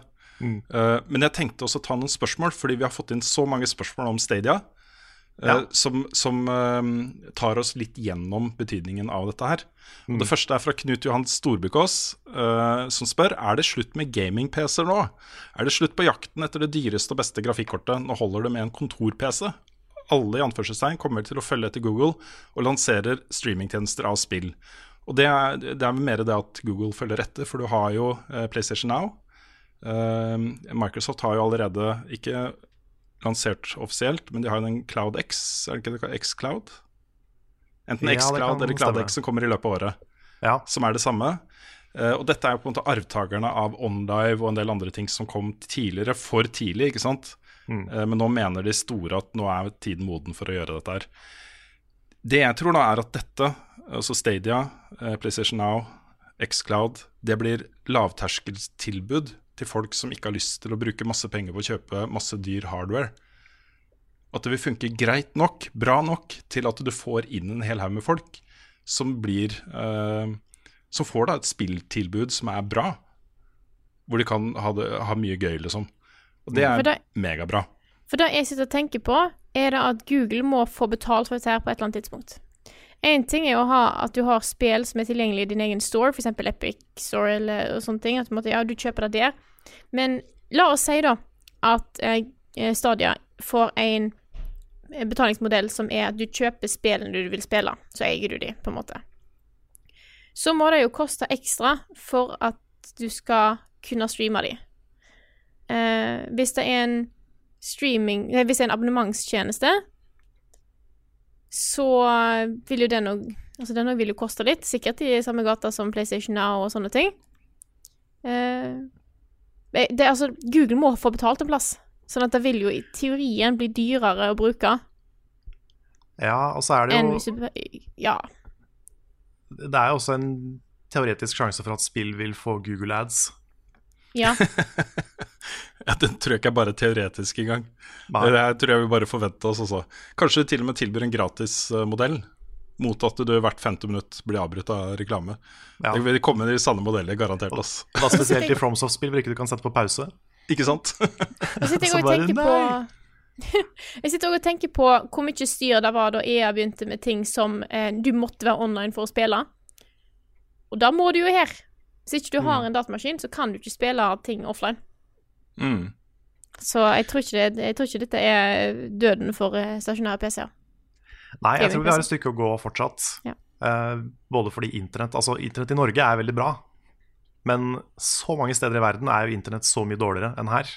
Mm. Uh, og da vil jo ikke sånne tjenester funke. Men også her. Altså, jeg, jeg, jeg tenker at uh, i overskuelig fremtid, ikke i uoverskuelig fremtid, men i nærmeste fremtid, så vil jo sånne som oss foretrekke latency på null kontra 20, liksom. Ja, Og- ja jeg laster ned spillet hvis jeg kan, uansett. Ikke sant. Vi, vi, vi gjør det. det. Det vil være den beste opplevelsen. Uh, du ser også komprimeringsteknologien til YouTube. Den er jo ikke sånn tipp topp. Ting som ser dritlekkert ut i 4K på din egen 120 eller 144 hertz uh, monitor, får, ser liksom mye dårligere ut da, etter at det var gjennom komprimeringsprosessen til YouTube. ikke sant? Ja, men akkurat det tror jeg ikke blir et problem. For der, der blir du streama direkte fra en konsoll hos Google. Altså en konsoll i eh, gåseøyne. Men det er, jo, det er på en måte en konsoll, bare at ikke den er hos deg. Ja. Eh, rett til YouTube. Så da, det tror jeg blir annerledes. ja, kanskje. For da tror jeg ikke du får de komprimeringsproblemene. Nei. Da finner vi på det ut av. Ja, men uansett så, så, så tror jeg at uh, de stasjonære maskinene vil overleve en, en god stund framover. Fordi sånne som oss er hipp på å spille God of War i den beste mulige oppløsninga, beste mulige uh, versjonen, ikke sant. Jeg elsker at du tok God of War, som ikke er på PC. ja. Jo, jo, men det, det, dette gjelder jo PlayStation Now kontra uh, stasjonær PlayStation 4 òg, ikke sant. Ja, ja, Mm. det er sant. Så, um, så det var tanken min. Det er sant. Jeg tror uh, framtida er nok um, at vi ikke har masse tung hardware hjemme. Men Mm. ikke den nærmeste framtida, tror jeg. Det blir bare kanskje for, for noen. Mm. Men Jeg nev- nevnte dette for et års tid siden også. Jeg har jo en mistanke om at uh, den neste generasjonen til Xbox fort kan være todelt. Du kan velge å kjøpe en, en maskin, men du kan også velge å bare abonnere på Xcloud og spille det på Switch eller på PC-en din eller på TV-en din. Eller jeg, jeg tror de er der, de også. Så jeg blir ikke overraska hvis det blir avduka på, på E3 i år. Altså. Nei, Det går rykter om at det kommer to nye Xboxer. Ja. At den ene er veldig streamingbasert, og den andre er mer eh, tradisjonell, heavy. Den ene er en dongle, ja, Den ene er bare en? Chromecast. nettopp. Uh, jeg tar et spørsmål til. Ja. Eller var det mer? Nei, bare, jeg bare lyst til å Vi høres sikkert veldig negative ut i eh, Stadia nå. Um, det er spennende. Jeg er skeptisk. Jeg Jeg også da. er skeptisk, fordi det kan også komme litt tilbake til pressekonferansen etterpå, kanskje. Men, eh, men jeg syns det, er- det er spennende å se den utviklinga. Jeg ser ganske mange som er hyped på å prøve det. Jeg også er veldig nysgjerrig, så jeg har ikke lyst til å liksom bare bæsje på, på Google. Men, eh, Det kan være det blir dritbra. Ja. Jeg føler det er bare litt for mange ting jeg ikke vet ennå. Mm. Ja, nei, Jeg har absolutt lyst til å teste det selv. Det er ikke noe dom over hvor bra den tjenesten her funker ennå. Men øhm, ja. Eh, jeg vil også bare nevne til det du sa, Frida, at jeg tror det blir abonnement. Jeg tror du betaler hundrings i måneden eh, for fri tilgang til alt. Det er jeg ganske sikker på. 100 Jeg håper det. Håper det Ja, for det, den Netflix-modellen er jeg veldig fan av. Mm. Så er det spørsmål her fra Håvard Solberg Nybø, som spør um, hva er våre tanker om Stadia i forhold til plattformeksklusive spill. Nå ble jeg plutselig stoppa opp fordi jeg brukte han i forhold til på riktig måte der. Et av salgspunktene til Google er jo at du skal slippe å ha en kraftig konsoll eller PC, men man er jo nødt til det hvis det ikke støtter eksklusive spill. Og da blir det i min mening enklere å kjøpe spillene til den konsollen istedenfor å streame det gjennom Chrome. Uh, og det er jo uh, Google skal jo lage spill. Det er jo det Jade Raymond blant annet skal jobbe med. Lede det studiet. De ansetter nå en hel haug med spillutviklere for å lage spill som skal være Stadia-eksklusive. og det er jo et sånt kritisk punkt, da. Hvis de spillene er the shit, hvis det er, det, altså hvis det er world class, fantastisk, liksom, så eh, øker jo det verdien til plattformen betraktelig for sånne som oss også. Mm. Men Ja, jeg, fordi- tviler, jeg tviler på at Nintendo har tenkt å gi spillene sine til Google. Mm. Jeg tror ikke Sony kommer til å gjøre det heller. Nei. Jeg tror det er et sånn ideal, eller sånn en, en, en eh, Google har lyst til å ta over alt, så skjønner jeg jo. Um, eller virker det som. Men jeg tror ikke de kom til å gi på en måte at Stadia er døden over resten av konsollfamilien. Mm. Det er ikke sikkert Valve eller Epic Games Store heller kommer til å gjøre det. Nei. Så det spillbiblioteket kommer til å ha veldig mye å si. Mm. Hvis du, hvis du bare kan streame liksom Assassin's Creed, Ja. så er det jo litt mer begrensa hva du får ut av det. Skal vi se Et uh, du, du, du. Se om For vi har vært innom en del av de tingene her. Ja. Dette er ikke spørsmål og svar-spalten, forresten. Det er mer Nei, det er ikke det, men det var Ja. greit å ta det her, ikke sant? Ja, ja, jeg er helt enig. Ja, ja. Jeg tenkte bare å si for de som plutselig begynte å lure på om jeg hadde hoppa over eh, en vignett. Det hadde vi ikke. Nei, det har vi ikke. Mm. ikke. Nei, vi har vært innom alt der. eh, Pål Mannberg lurer på eh, prisen uh, Stadia for. Uh, Helene Theodorsen uh, lurer på hva som da skjer med PlayStation, Xbox og Twitch. Um, hun er da bekymret for hvordan det blir for dem, om det ikke holder tritt. Og så er det da Silacoid som eh, har sett på Stadia-lanseringen i går og følte vel at dette godt kunne være spillindustriens iPhone-lansering. Men det er også ganske bekymret for Googles markedsmakt. Det er nesten ingen elementer i løsningen som ikke enten bygger på infrastruktur der Google er dominerende, eller krever investeringer eh, som få andre enn Google er i stand til å gjøre. Det har vi også vært innom, men det er et, dette er et uh, veldig interessant side av dette her, som uh, det er verdt å diskutere og ha litt fokus på, eh, føler jeg. Absolutt. Så, Absolutt. Greit. Det er ikke kommet da verken pris eller lanseringstidspunkt, annet enn at det skal komme i 2019. At det kommer mer info til sommeren. Nettopp. Etter det, da, sikkert. Kan vi, kan vi prate litt om den pressekonferansen? det kan vi godt. det var litt morsomt. For jeg satt og så på den live, og tenkte liksom Selv om det de presenterer, er jo, det er jo spennende, vi har prata om hvorfor det er spennende, men måten de gjorde det på, det føltes litt som å gå ti år tilbake i tid og se på de gamle E3-pressekonferansene. Oh yeah. Med alle de liksom litt sånn dumkleine tinga som de gjorde før. Da begynte med han CEO-en som bare Nei, jeg er ikke noe gamer, jeg. Altså sa han to ganger. Og liksom bare Likevel står han på scenen og presenterer en gamingting. Ja da. Ja. Og så setter han over på en sånn utrolig klein måte til Her er en fyr som vet forskjell på grafikk og grafukk. og liksom bare sånn, litt sånne dårlige jokes som ikke lander. Og så kommer den montasjen som er sånn In the beginning there was light. På det nivået, liksom. Hvor du bare Du trenger ikke å gå så langt tilbake. Det er ikke nødvendig å liksom selge det så hardt. Det er en streamingtjeneste, det er ikke en ny måte å spille spill på. Det er ikke en, nye, det er ikke en ny type spill. Det er litt morsomt, det, fordi han Phil Harrison, som jo er sjef for hele greia, liksom Han var jo tidligere Sony Executive. Jeg mener å huske at det var han som eh, sto på scenen og presenterte Husker dere da eh, Sony lanserte PlayStation 3 for første gang? På en scene, de lurer på om det var Tokyo Gameshow, med alle disse badeendene. Så det ble flere og flere av dem, og så var det liksom Badekaret var fullt av badeender rendra i realtime, real time. Ikke sant? Jeg tror det var Phil Harrison også som sto og trykka Ja, for han å få flere ender. Han var i hvert fall, han var i hvert fall involvert i den PlayStation 3-revealen, ja. Ja. Nei, det er, det er litt funny. Men mm. de, de satser jo. Altså, de satser jo, og det, du må jo ta dette på alvor. Det er ingen tvil om at dette kommer til å påvirke hele spillmediet eh, fremover. Så um, det blir gøy å følge med på. Mm. Hvis vi får teste dette her, og det viser seg å være null input lag, da, da kommer det til å bli bra. Da er det Hvis det er noe. hvis det er noe input lag, så kommer det ikke til å funke. Nei. Jeg vil, ikke ha, jeg vil ikke ha Selv om 20 millisekunder er levelig i singleplayerspill, så vil jeg ikke ha det. Nei. Jeg Jeg husker, den mørketida, jeg husker den mørketida før jeg oppdaga game mode på TV-en min. Ja. Det var, eh, det var ikke bra. Det sitter jo massevis av folk med native opptil 20 millisekunder uh, input lag i dag, da.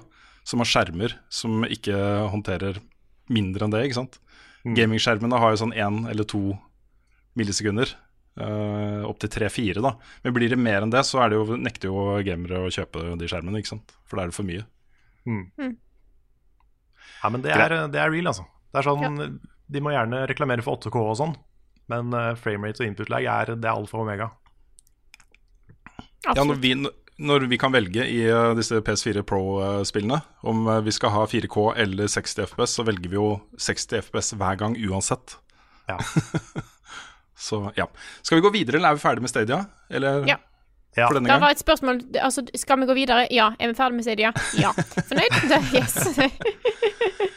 Greit. Jeg kan eh, gå videre til eh, eh, noe mindre, og og kanskje også mindre kontroversielt. Eller litt kontroversielt er det kanskje. Life is Strange uh, season 3 har jo fått uh, en roadmap for de neste episodene.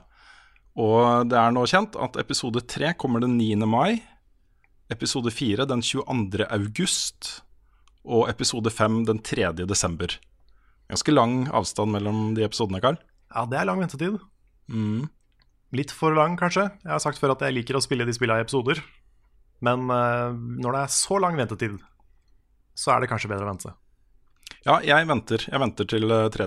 desember. Så det blir Mm. mitt julespill, kanskje. Jul av Det et fint 2019. julespill. Ja, ikke sant? Det at vi utsatte podkasten en dag, eh, gjorde også at vi kunne få med denne lille godbiten av en nyhet. Vampire the Masquerade, Bloodlines 2, er avduket. Det kommer i første kvartal 2020, og Vampire the Masquerade Bloodline er jo kjent for å være en sånn derre konnoissør-RPG. Hvor, uh, hvor du tar utgangspunkt da, da, i et etablert sånn uh, bredt uh, rollespill og eh, papir og penn, tror jeg, rollespill. Og har lagd en veldig sånn solid online ikke online-verden, men solid RPG-verden med vampyrer. Og de viste jo ikke fram noe gameplay, men dette er jo en serie som folk har veldig nært forhold til, og som folk har liksom mast om en oppfølger til, og nå kommer den. Det er noe med den settingen, ikke sant. Med eh, storbyer i mørket, masse kule ting som skjer, vampyrer, blod, som gjør den serien her ganske sånn tiltrekkende. Da. Så ja, tror det er mange som ble glad for den. Og så har det vært en ny Nintendo Direct, en Nindis. Hvor eh, rosinen i den pølsa var vel kanskje Cadence of Hyrule. Uh, Crypt Ja. of the Necrodancer featuring The Legend of Zelda. Å, jeg er så klar! Det så så gøy ut. Jeg har ikke spilt det da uh, Crypt of the Necrodancer.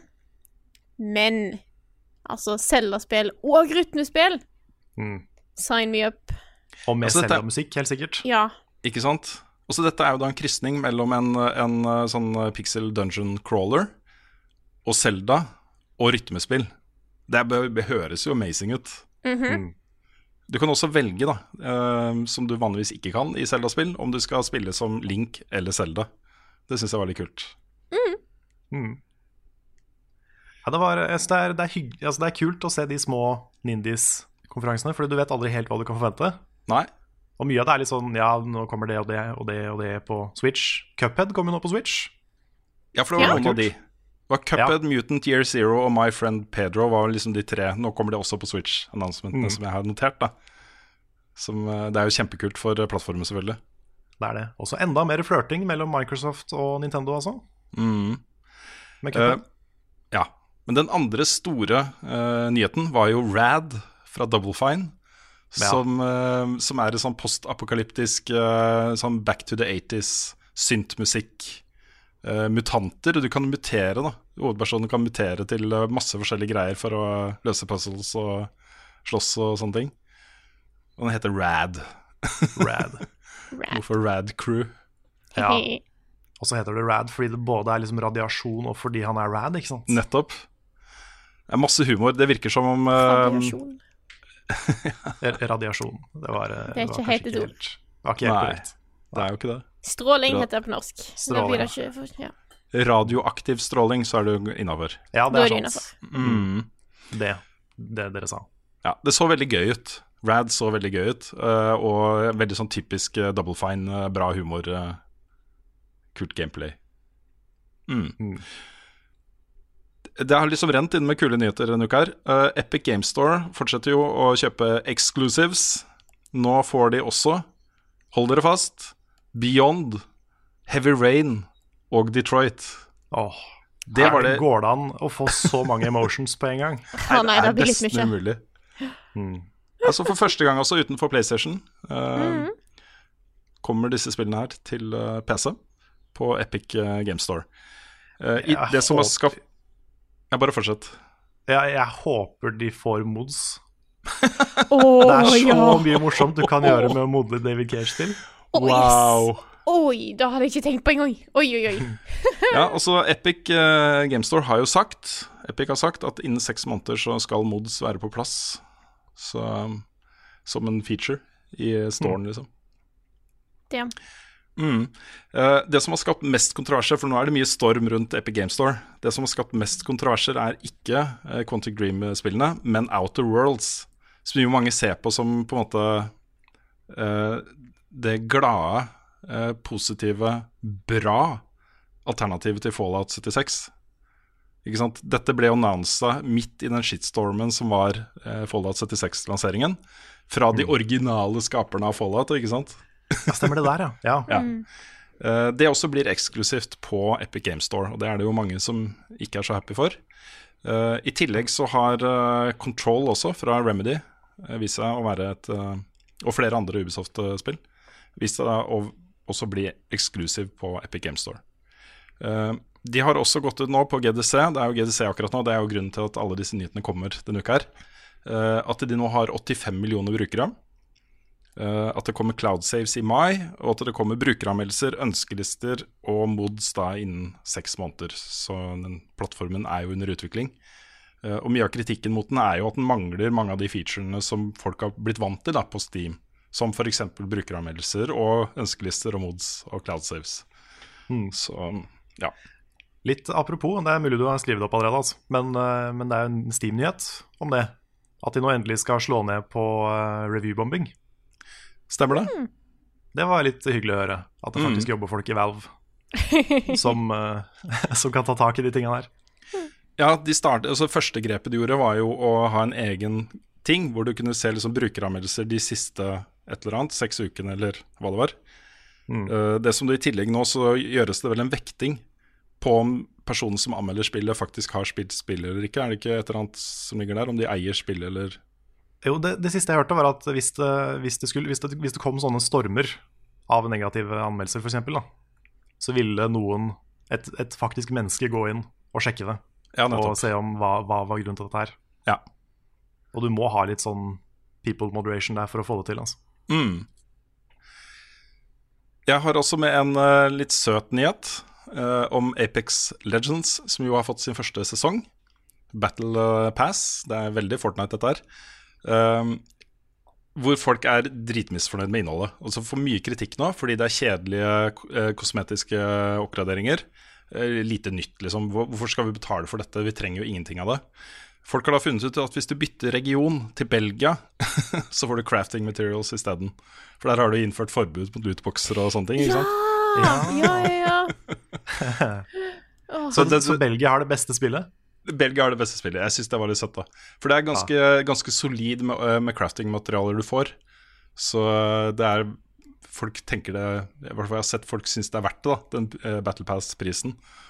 For alle de materialene du får for å lage de tingene du faktisk har lyst på. ikke sant? VPN blir bare en bedre og bedre deal. Altså. Ja, det gjør det.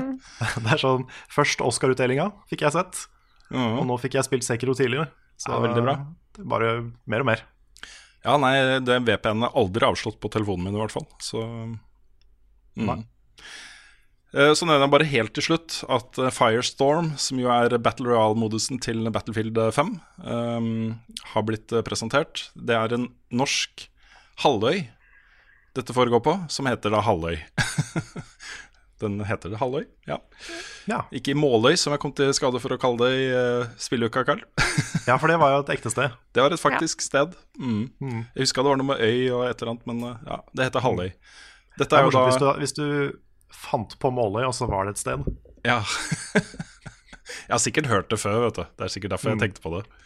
Um, dette foregår da på en halvøy hvor det er hav på tre sider og landjord på den siste, og så er det eh, en ring da av ild, ring of fire, som trekkes inn mot det, midt, det ene punktet som er igjen til slutt, sånn som alle Battle Royale-spillene er. ikke sant? Men jeg syns traileren var innmari morsom. Den var, eh, viste litt attitude og humor og kreativitet og sånt. Så eh, ja, de solgte konseptet ganske bra, da, selv om det er nok et Battle Royale-spill, så syns jeg det så gøy ut. Kommer Ruen sin standup på DVD, eller? Jeg selger et guttenavn. Hva er det du, Carl Hvilket språk snakker Frida egentlig? Hvorfor er Mario rørlegger? Vi har fått inn så mange gode spørsmål denne uka her at det er helt eh, amazing, faktisk. Så bra jobba. Det er crazy. Ja, det er helt Bra crazy. jobba. Veldig bra Så vi kan dessverre ikke ta alle, men vi prøver, og vi begynner på eh, første spørsmål her, som er fra Magnus Restad. Som Der står en bindestrek her. Var det hele navnet hans, eller er det et Jon, Magn Jon Magnus Der det var et eller annet som datt ut, skjønner du, så jeg bare sånn Her mangler noe. Jon Magnus Restad, som Han het, nei, han heter bindestrek Magnus Restad. Ja, det, det, ja. Velkommen i podkasten med tekniske problemer her. Skal vi se. Han skriver Hvis dere skulle lagd en all time topp tre-spill akkurat nå, hvordan ville den lista sett ut? Han skriver at honorable mentions er lov, og det er, det er bra. Altså, dette er jo sånne spørsmål som vi får hele tiden. Altså, det, det kommer jo eh, hele tiden. Ja. Så det vil jo være gammelt nytt for mange, men jeg tenker at det kanskje har kommet inn noen nye lyttere, eller eh, et eller annet, liksom. Så det kan være Jeg vet folk er nysgjerrig, ikke sant. Det er en, sånne lister er eh, bra. Så derfor så kan vi jo ta det innimellom. Ja, folk liker lister. Ja. Ja, Og vi har bra Ja. tall på podcasten nå, så det er kanskje noen nye det har vi. Det er nok det. Hvem vil begynne? Skal jeg begynne? Begynn du. Jeg begynner. Jeg har lagd topp tre eh, med med én slash to honorable mentions. Så i Jeg har ikke helt bestemt meg for rekkefølgen, men la oss si Jeg tror kanskje det stemmer. Det Jeg bytter litt på det. Men jeg Nummer tre Super Mario World. Nummer to Undertale. Nummer én Portal 2. Hmm. Og så har jeg Super Mario Galaxy 1 og 2 som honorable mentions. Good list. Bra liste. Skal jeg ta en? Mm. Må de være i rekkefølge? Nei. Kanskje Jeg føler jo at når man først blir bedt om å rangere det, liksom, topp tre Altså, de skal rangeres. Mhm. Ja, Ok, okay Ja. jeg, kan prøve, jeg kan prøve å rangere. For da, på nummer tre så har jeg Bloodborne. Nummer to har jeg Final Fantasy 9. Og nummer én så har jeg Undertale. hmm, to ganger Undertale, altså. Ja da. Det er, mm. altså, det er vanskelig å rangere de to øverste. Og Bloodborne, for så vidt. For det er Mm. så veldig forskjellige grunner til at jeg liker de. Men det er noe med liksom Undertale sier så mange ting. Og det er det som gjør at det vipper opp. Mm. Så har jeg jo Krono Trigger og Portal 2 blant annet som honorable mentions. Jeg kunne sikkert funnet på 20 av de. Ja. Mm. Men Jeg, jeg har eh, droppa honorable mentions sjøl, for det er så mange av de. For det er sånn midten av 2000-tallet. Så satt jeg, da hadde jeg en blogg, så jeg husker jeg Ludo Ergo Sum eller noe sånt. Jeg husker ikke helt hva den het på, på VG-blogg. Jeg lagde en topp 100, jeg. Og syntes liksom den som var på plass nummer 100 også var et dritbra spill som jeg hadde kost meg masse med. ikke sant? Mm. Så jeg, jeg kunne ha bare ramsa opp alt bra jeg har spilt, og holdt på i en evighet. Så jeg bare, ok, topp tre. Jeg skal være litt disiplinert og bare si topp tre. Eh, men jeg har et annet problem, jeg kommer tilbake til det. Eh, på tredjeplass har jeg Metal Gear Solid 3. På de andre listene jeg har lagd, så har jeg skrevet liksom Metal Gear Solid-serien. Eh, ikke sant? Eh, på andreplass Bloodborne. Den har kommet høyt opp, altså. Ja. Eh, og på førsteplass, eh, fremdeles, der den har vært i veldig mange år nå, Shadow of the Colossus. Hmm.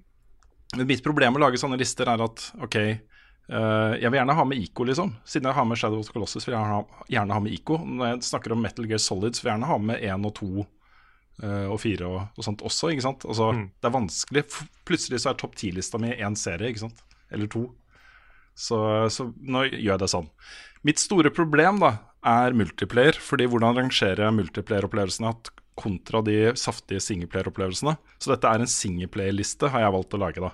Fordi jeg vet ikke helt hvor jeg skulle plassert da Quake 3 og Trackmania Nations og Destiny og de spillene jeg har brukt så utrolig mye tid på eh, i multiplayer. ikke sant? For det er jo minst like sterke opplevelser, men helt andre typer opplevelser, ikke sant. Mm. Så Det er en ting vi ikke snakka om med Google, Google Stadia. At mest sannsynlig så vil jo mange av de eksklusive spilla uh, bruke mest mulig av de YouTube-integrasjonsmulighetene. Sånn at du sannsynligvis vil få veldig mye multiplayer. Mm. helt sikkert. Bare en sånn ting jeg Helt kom sikkert. på i farta. Mm. Så ja, men jeg har litt lyst til også å lage Jeg tror hvis vi hadde lagd hver vår topp 20 eller et eller annet, liksom. en gang eh, det hadde gått bra på kanalen vår. Mm. Ja, det tror jeg. Ja, det Det tror jeg definitivt. Mm. Eller lagd en felles. Topp 100, liksom. De 100 beste spillene all time. Satt Oi. sammen et panel bestående av ikke sant, folk fra Rad Crew og Lolbø og lage en sånn her Da Jeg vil bare- jeg vil bare minne deg om- timer. Ja, jeg vil bare minne deg om den streamen vi hadde, der vi skulle prøve å finne topp ti for 2017, tror jeg det var. Da, da var Ja. vi seks personer. Yes. Mm. Bare kaste den ut igjen, jeg, tror jeg. Bare så, så folk husker hvor, hvor, hvor lett det var å sette sammen den lista. Ja, Vi kunne jo satt av liksom 2020 til det, da. Ja, bare det, ja. Ja, Vi gjør ingenting annet enn å lage topplister i 20, hele 2020. Ikke sant? Ja. Ja. Topp 100 all time games. Mm. Ja. Støtt oss på Patreon folkens. Her får dere valuta for pengene. Ja, ja. Ja. Det som, er, det som er vanskelig med å invitere alle de andre redaksjonene, det er at vi er brennende engasjert i Fromsoft, Ja. og det er ingen av de andre. Nei. Nei. Den er litt vanskelig. Da, tar, da Bare git good, sier jeg ass. Get ja. good, folkens. Ja. Skal Rune bli sånn der toxic Fromsoft-spiller? Det er bare fordi du suger. ja. ja. Du må bare være bedre, faktisk. Ja, bare bli god i spill. Ja, Da kan jeg legge til en ting da, som jeg kunne ha liksom, uh, fokusert litt på mens vi snakka om Sekiro. Uh, Digital Foundry har gjort en test. Det er jo det Eurogamer-folka som tester teknologien i spill. Ja, de er flinke, ass. Ja, de er kjempeflinke. Uh, det viser seg at både på Xbox One X og PS4 Pro så klarer ikke spillet å opprettholde 60 FPS. Det dipper ofte ned til sånn 25, 30, 35, 38, noen og 40. Eh, sånn opp og ned, da. Um, så, og så er det ikke 1080P. det er 1800P, visstnok, som er oppskalert. Så en litt sånn weird, uh, Sa du at det ikke måte er å 1080 Sa du at det ikke er 1080P, det er 1800P? Nei, nei, nei, nei. Altså, det er ikke 1080P. Det er, eller Oppløsninga er ikke 1920 ganger et eller annet, det er 1800 ganger et eller annet. Sånn tror jeg det var. Da er jeg med. Da er jeg med. Ja. Jeg, jeg, jeg er ikke helt sikker på om det stemmer heller. For jeg, jeg så den videoen, men jeg husker ikke helt hva det var de sa der. Men det var Nei, det var et eller annet med Det, det var ikke full, det var ikke full 1080P, i hvert fall. Ok. Nei, men um, Nei, fordi de fant vel ut at uh, PS4 Pro og Xbox One uh, X var litt sånn uh, preparation. De to de var ganske like. Ja. Det var vel, eh, Hvis du satte på en sånn 120 hatch-mode, så var det litt smoothere på Xbox. Mens eh, de originale konsollene, PS4 og Xbox One eh, Basic Det er ikke det de heter, men de, de vanlige. Basic. Er sikkert lurt at ikke de kaller det basic. Ja, pleb. PS4 Pleb. PS4 Git Good Edition. Xbox One cheap. Ja, de var sånn rundt 30, da. Låst til 30 Ja. frames. Eh, Ja, og kjørte, kjørte litt sånn som Bloodborne og Dark Souls 3 kjører. Mm. Og det er ikke helt optimalt. Nei, men jeg kan jo nevne da Jeg, jeg nevnte jo det også uh, i stad, men jeg har jo spilt da starten på spillet på PS4 Pro, og jeg sleit ikke med framerate-problemer i det hele tatt. Nå har jeg ganske høy terskel for når jeg begynner å irritere meg over framerate-ting, da. Eh, Men det var ingen store slowdowns. Det var ikke noe sånt det ble sirup noen gang. Eh, Det var ikke så, aldri så ille at jeg tenkte nå var det lav framerate, gitt. Mm. Dette, dette er 27, ikke 60, liksom. Jeg tenkte ikke det. Nei. Nei, Dark Souls 3 på launch på PS4, det var ikke bra. Nei. Da var det dårlige framerates. Men det ble Mm. heldigvis patcha da, på Pro. Ja. Så jeg håper ikke det. Det er nok ikke så ille nå. Nei. Skal vi hoppe videre? Ja. Ja. Jeg kan ta et spørsmål her som kommer til meg. Som kom fra Martin Rismo, som spør hva språk snakker Frida egentlig? Eh, jeg kan skjønne at det er en case. Jeg, jeg vil bare si at jeg er veldig fornøyd med seerne våre. Fordi jeg husker med en gang jeg starta i VG, så kom det en del sånn at de ikke forsto hva jeg sa. Da har jeg ikke fått etterpå. Så jeg eh, Enten så er det jeg som har blitt flinkere til å snakke, eller så har eh, Så har folk begynt å lære seg språket mitt. Språket mm. mitt er Jeg er en Jeg er forstod. Jeg er en storabu, og jeg snakker store mål. Med en eh, god innblanding av mye rart, som for eksempel ass og lell. Så en herlig blanding av uh, mye rart, Mm. egentlig. Dere som ikke vet det, i Norge så har vi hovedmål, vi har sidemål og vi har storamål. Herlig. Ja. Nei, eh, og så vil jeg òg ta, eh, kan ta et spørsmål til her. som kommer fra Håkon Skarpnord, som spør hva er deres topp tre for en ny topp tre-liste. Mm. Topp tre pålegg på brødskiva. Ja, herlig du tok det spørsmålet. Jeg har forberedt meg, Frida. Du har det? Så gøy. Ja da. Da kan du få lov til å begynne. Ja, fordi jeg har, um, jeg har uh, en som er Her kan du ta liksom elementene og legge til andre ting. Det er på en måte komposisjonen av forskjellige elementer som gjør at jeg liker liksom akkurat dette her. Um, og det jeg har valgt, er ikke nødvendigvis liksom altså Det fins andre varianter av dette som også er veldig godt. Jeg skjønner sikkert hva jeg mener når jeg sier da uh, Dijon honningsennep. Så, eh, Ikke sånn også ganske mye av det. Eh, salat, også vanlig grønn salat. Eh, god skinke, brie og paprika. Kombinasjonen, liksom, alle de tingene. Er liksom på brødskiva. Ja, for det er lov. Kombinasjoner. Ja, det må nesten. Ja. Ok. Eller skal, er det bare rene pålegg? Nei, jeg bare tenker på Nei. mitt eget svar. Men, Ja, men hvis kombinasjonen kombinasjon, jeg er med på det. Ja, det Ja, det, det lager jeg av og til her hjemme. Også når vi har alle de tingene, så lager jeg det. Og da sitter jeg på kafé liksom og spiser uh, deilig sandwich. Det er kjempe, kjempegodt. Uh, og så har jeg da makrell i tomat med majones. Veldig glad i. Um, og så har jeg et pålegg som jeg aldri spiser, bare når jeg er på hotell på buffé. Og det er Nutella. Jeg er så oh. fuckings glad i Nutella. Jeg elsker Nutella, men vi kan ikke ha det i hus. For da er det ingen av verken meg eller barna som har lyst på noe annet, ikke sant. Så, så jeg, jeg er utrolig glad i det pålegget og kan ikke ha det her. Det er sånn tristesse i hverdagen å åpne skapet, og der står det ingen Nutella. Jeg har en litt lignende Nutella-shaped hole in my heart. oh, Jeg har en lignende en på min liste. Fordi at jeg prøver å eh, spise litt sunt innimellom. Ikke at jeg får det til, men det er derfor jeg, ikke, en, eh, derfor jeg ender opp med å ikke kjøpe, eksempel, som min Nutella er jæklig godt, men min er sjokade. Holy fuck, Mm. sjokade er jæklig godt. Spesielt hvis du også, hvis jeg kan være så risky at jeg skal si at du kan kombinere det med peanøttsmør. Da får du Snickers på skiva. Det det, det er det beste. Det var, da var det dårlig gjort av deg å ta opp det spørsmålet her, altså. Du hadde jo forberedt deg! Ja, jeg hadde forberedt meg. Ja. Jeg hadde det. Jeg hadde ja, så da er den ene. Den andre er makrell i tomat. Uten majones. Jeg er ikke fan av majones, men uh, makrell i tomat er så godt og så sunt for deg. Mm. Ja, det er litt fett, men omega-3 og 6 viktig. Så jeg spiser ofte eh, omega-3 Nei, omega-3. Jeg spiser ofte makrell i tomat. Eh, jeg har endt opp med å skifte over til, til knekkebrød. Eh, fordi at jeg var så veldig lei vanlig skjære. Og den siste er den leverposteien som har baconbeter oppå seg. Mm. Så har du på sylteagurk. Da, da, da er jeg fornøyd. Da, Ja, jeg er også veldig glad i det, men jeg foretrekker Hvis jeg måtte velge, så ville jeg hatt uh, rødbeter istedenfor sylteagurk. Jeg syns det er bedre. på Ja, for der er, er tingen er at jeg sjelden har rødbete i kjøleskapet. Mm. Hvis jeg har tilgang på det, yes. Det var en leverpostei før, for mange år siden, mange, mange, mange år siden, da jeg var bare en liten, liten jente, så var det en som var som, inn, som hadde beta med både sylteagurk og rødbeter i seg. Oi. Den var the shit. Den finnes ikke lenger. Så, Hmm. så jeg er enig. Sylteagurk og rødbeter på. Good shit. Da har vi mm. topp tre. Ja, ok. Da vil jeg si på tredjeplass så har jeg sånn, altså sånn tradisjonell sandwich med salat, eh, salami og agurk og alle de tingene der. Ost. Sånn fin sånn Subway-sandwich, liksom. Mhm. Eh, det er tredjeplassen.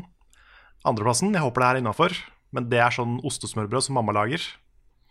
Med, med liksom, altså som jeg også har lært meg å lage. da si. Det er ikke sånn at jeg får mamma til å komme til Oslo for å lage til meg. Eh, men det er da ketsjup og sennep blanda. Og pølsebiter.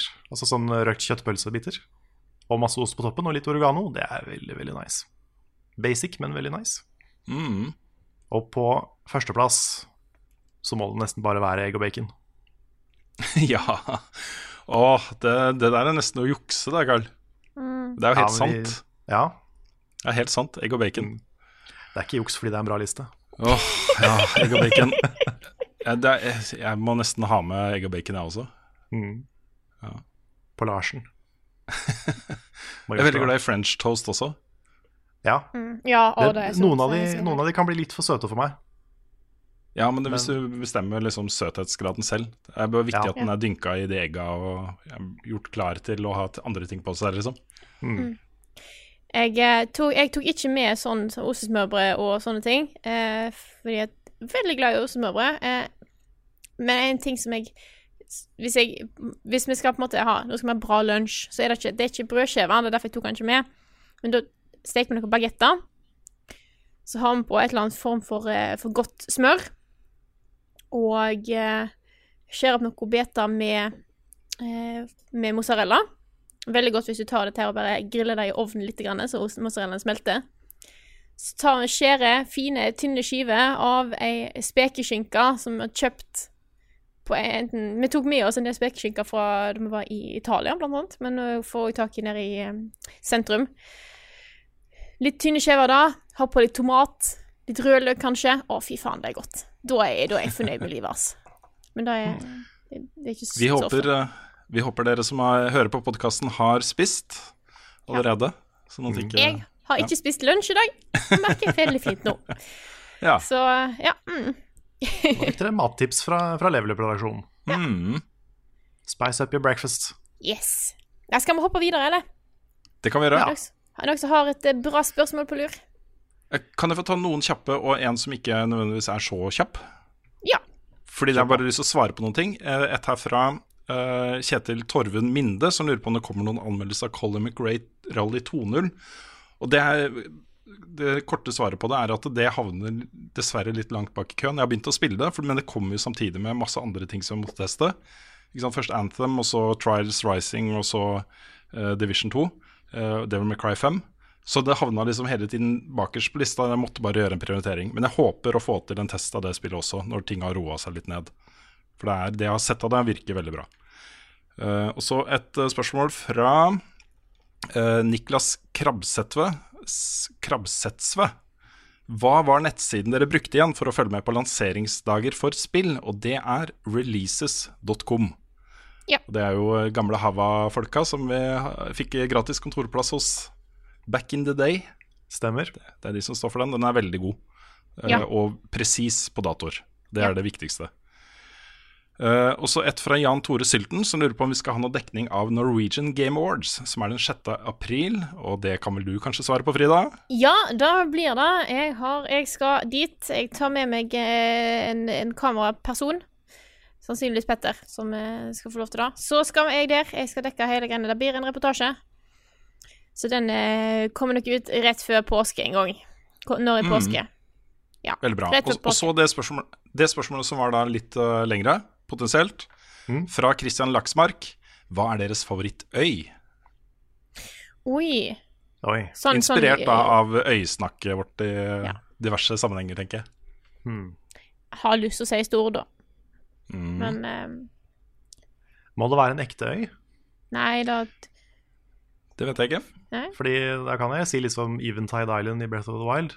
Mm. For jeg har ikke noe ekte øy som er favorittøy. Jeg har ikke vært på noen øyer til å kunne si det. Så da må jeg bare Jeg- si stor, det òg. Jeg har fasiten, da. Du har fasiten? Ja. Japan. Wow. Ja, hvis det telles med øy, så eh, Ja, det er jo en øy. Ja, det er jo det. Ja. Ja. Det Altså, spørs bare vi- liksom, jeg, jeg vet aldri helt hvor jeg skal Hvor setter du liksom grensa for øy? For hvis du tenker på det, så er hele liksom Alt er en øy. USA Ja. Ja, ja, ja. og Mm. Og Mexico og all, Altså hele Amerika er jo ei øy. Ja, Sånn, men sånn som. Australia, det er, det er jo et kontinent, for det er så Ja. stort, ikke sant. Men det Ja. er jo også en øy, for det er ett land. Ja. Og så kan du si at månen er en øy i verdensrommet. Nei. Nei, det kan du ikke, Karl. Nei, jeg Shut down, altså. Shut down. Sorry. Jeg vil bare Sorry. utvide begrepet enda mer. Ja, det er Ikke sant? sant? Mm. Nei, jeg, jeg kan gå med på at Japan er øy. Ja. Ja, ja. nei, da, kan jeg, da, da går det greit. Det er ikke kontinent. Mm. Da er det greit. Yes. Yes. Da Next, holdt jeg på å si. Ja. ja. Skal jeg ta et? Ja.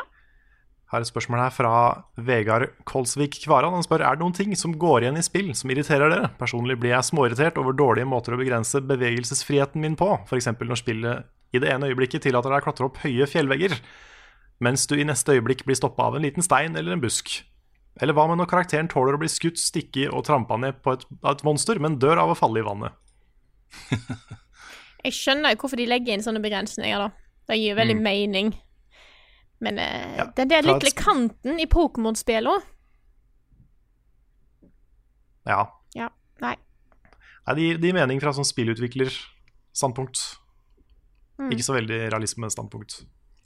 Men min ting, som jeg ble minna på nå da jeg spilte Devil May Cry 5, og for så vidt mange FromSoft-spill, men det er ikke et like stort problem, at du kan ikke trykke på pause under cutscenes. Så hvis du gjør det, så skipper du hele cutscenen. Ja. Ja. Og det, jeg skippa en Devil May Cry cutscene ved et uhell. Og det hadde jeg ikke lyst til.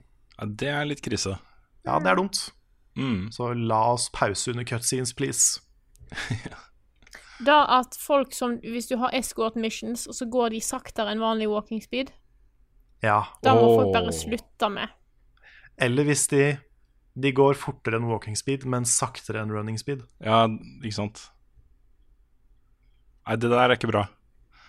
Nei. Jeg, har, jeg, jeg er ikke så opptatt av, eh, av realisme på sånne ting. Jeg, jeg tenker at ok, hver spillverden har sine egne regler, som er der for, for å støtte opp under gameplay eller hva som helst. da Eller legge be- nødvendige begrensninger på, på spilleren, sånn at ikke de breaker hele opplevelsen. ikke sant Så bare lever jeg med det. Sånn er det bare.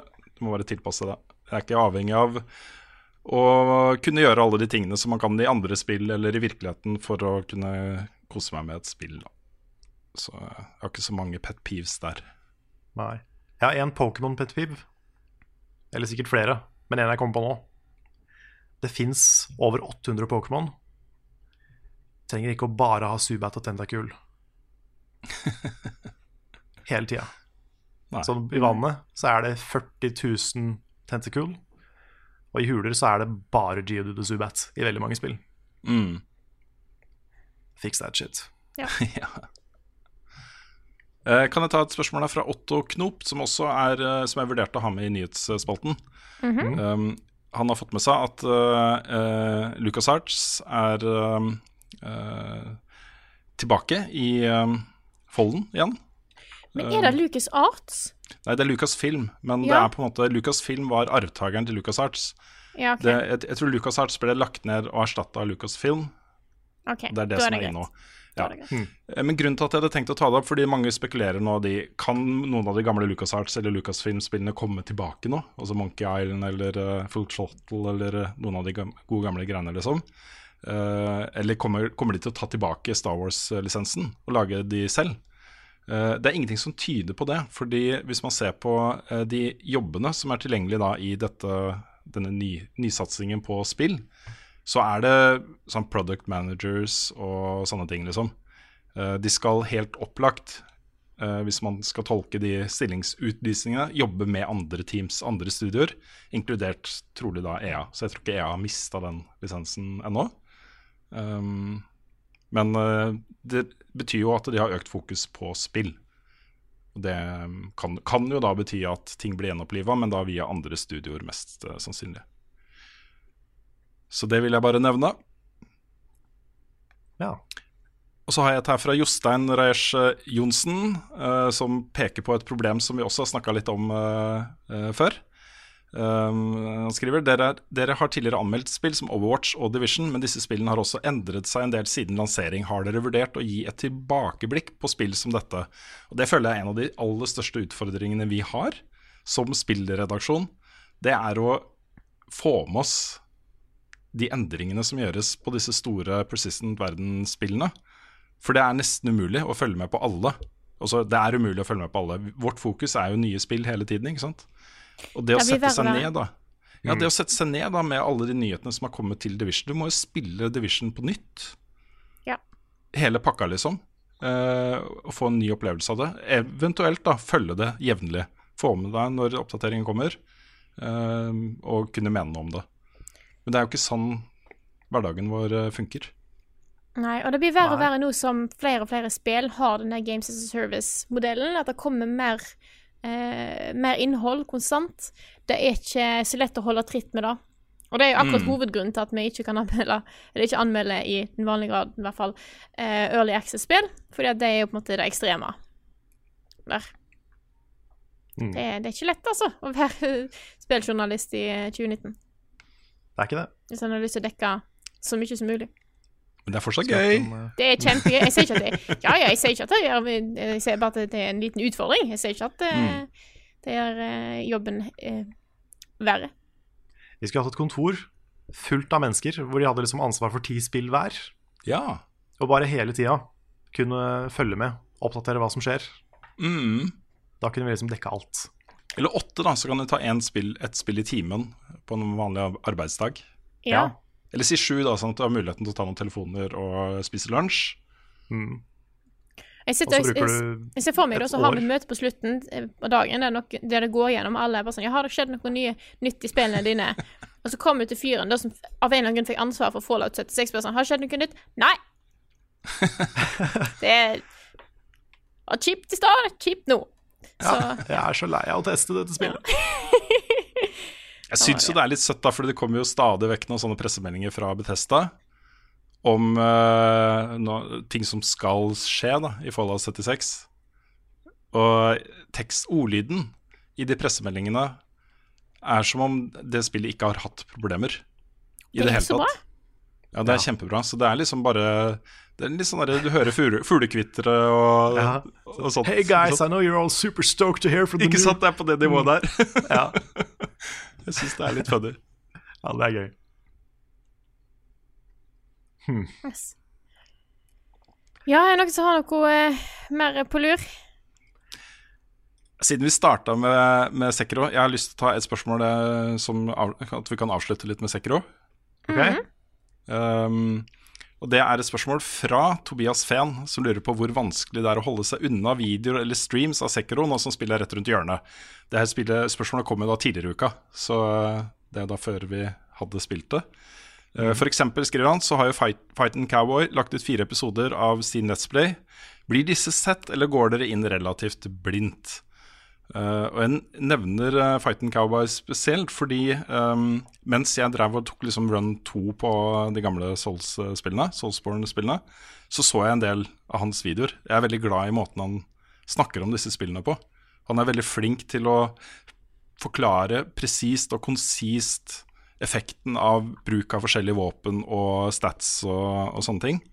Eh, så det jeg faktisk gjorde da i dag tidlig, før jeg satte i gang med min uh, nye runde med Sekiro, det var å se litt av den første episoden som han hadde lagt ut. Og det var liksom den derre Han var sånn derre Endelig er øyeblikket her. Han ble jo stor av Soulsborne, liksom. Det var det som gjorde at han ble en stor YouTube-kanal. Og han er tilbake med et nytt FromSoft-spill. Og jeg følte meg så liksom beslekta med den følelsen. Og, så den der hjemme igjen-type tingen, da. Ja. Eh, så, så jeg tenker at når jeg har runda det spillet, så kommer jeg nok til å se den serien hans bare for å liksom I hvert fall deler av den. For det, ja. Men i forkant ingenting. Nei. Nei, jeg så en, jeg så en beginners guide av eh, Vatividia, uh, som bare gikk på mechanics. Den så jeg. Men ellers har jeg Mm. ikke sett noen ting. Bortsett fra de første trailerne og sånn. Ja, ikke sant. Jeg vil ikke vite noe. Jeg har det samme med trailere for filmer og TV-serier. Jeg vil ikke vite noe. Nei. Så lite som mulig. Men uh, det du sier om han Fighten Cowboy Jeg har akkurat samme forholdet til Epic Name Bro Ja. som uh, det jeg gjorde da jeg spilte Bloodborne. Var at jeg gikk blindt inn i det. Men så så jeg episodene hans fra de stedene jeg hadde vært, Ja, nettopp. for å kunne gå tilbake og finne secrets som jeg hadde mista. Mm. Og det funka veldig bra. Han, Ja. Var, han er veldig sånn, han går gjennom law, han går gjennom mechanics på en god måte. Mm. Han er genuint gira, og han er dritgod i spillet. Så det er en sånn behagelig, kul serie å følge med på. da. Ja. Og han har nettopp annonsert at han skal gjøre det med Sekiro. Så det, Nice. jeg gleder meg til å se den videoen, eller den Ja. serien. Mm. Da igjen etter at jeg har vært der sjøl. Ja, må være etterpå. Ja. Det er, eh, det er eh, noe helt annet å bare oppleve disse tingene selv. Og jeg vet at det er litt old school, hvis du spør eh, unge gamere i dag. Gamere på liksom 13-14-15. Så tror jeg mange vil si at de får like mye ut av å se på noen andre spille et spill som å spille det selv. I hvert fall visse Men typer spill. ikke, det gjør du ikke med FromSoft. Altså. Nei. Men det kan være en kul seeropplevelse. Det kan det være yeah. uansett. Ja, ja, Men, vi lager lagde jo, ikke like bra. Soulmates. Mm. Men det blir jo liksom eh, De spillene uten mestringsfølelsen er noe annet, på en måte. Det er, mm. Ja. Jeg kan skjønne at hvis du um, ser på liksom Life is Strange eller Detroit, da Der kan du få ganske mye ut av å bare se det. Mm. Mm. Selv om det er jo litt det elementet av å ta egne valg, da. Det er jo litt viktig, det òg. Ja. Yeah. Yes. Har dere et siste spørsmål eh, før vi runder av podkasten? Nei. Nei. Nei. Da runder vi av podkasten. Eh, Det kan vi gjøre. Så da vil jeg bare si tusen, tusen takk til alle dere som støtter oss på Patron. Dere er fantastiske folk som vi ikke kunne klart oss uten. Så eh, takk for at dere er der og har enten nettopp eh, blitt med i gjengen eller har vært der fra, fra start. Så thank you. Elsker dere alle sammen like mye. Mm. Rett og slett. Og eh, ja, kan jeg egentlig bare si tusen takk for oss. Takk for at du har hørt på denne episoden her av Level Backup, og så snakkes vi igjen neste uke.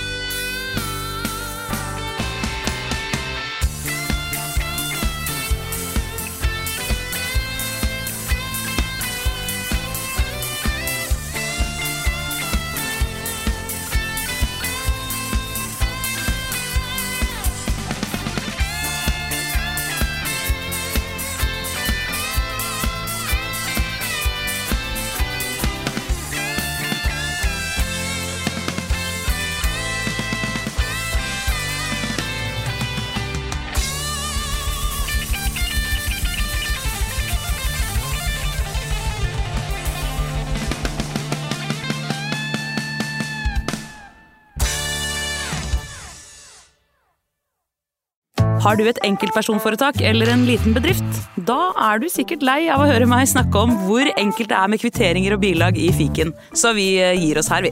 Fordi vi liker enkelt. Fiken superenkelt regnskap.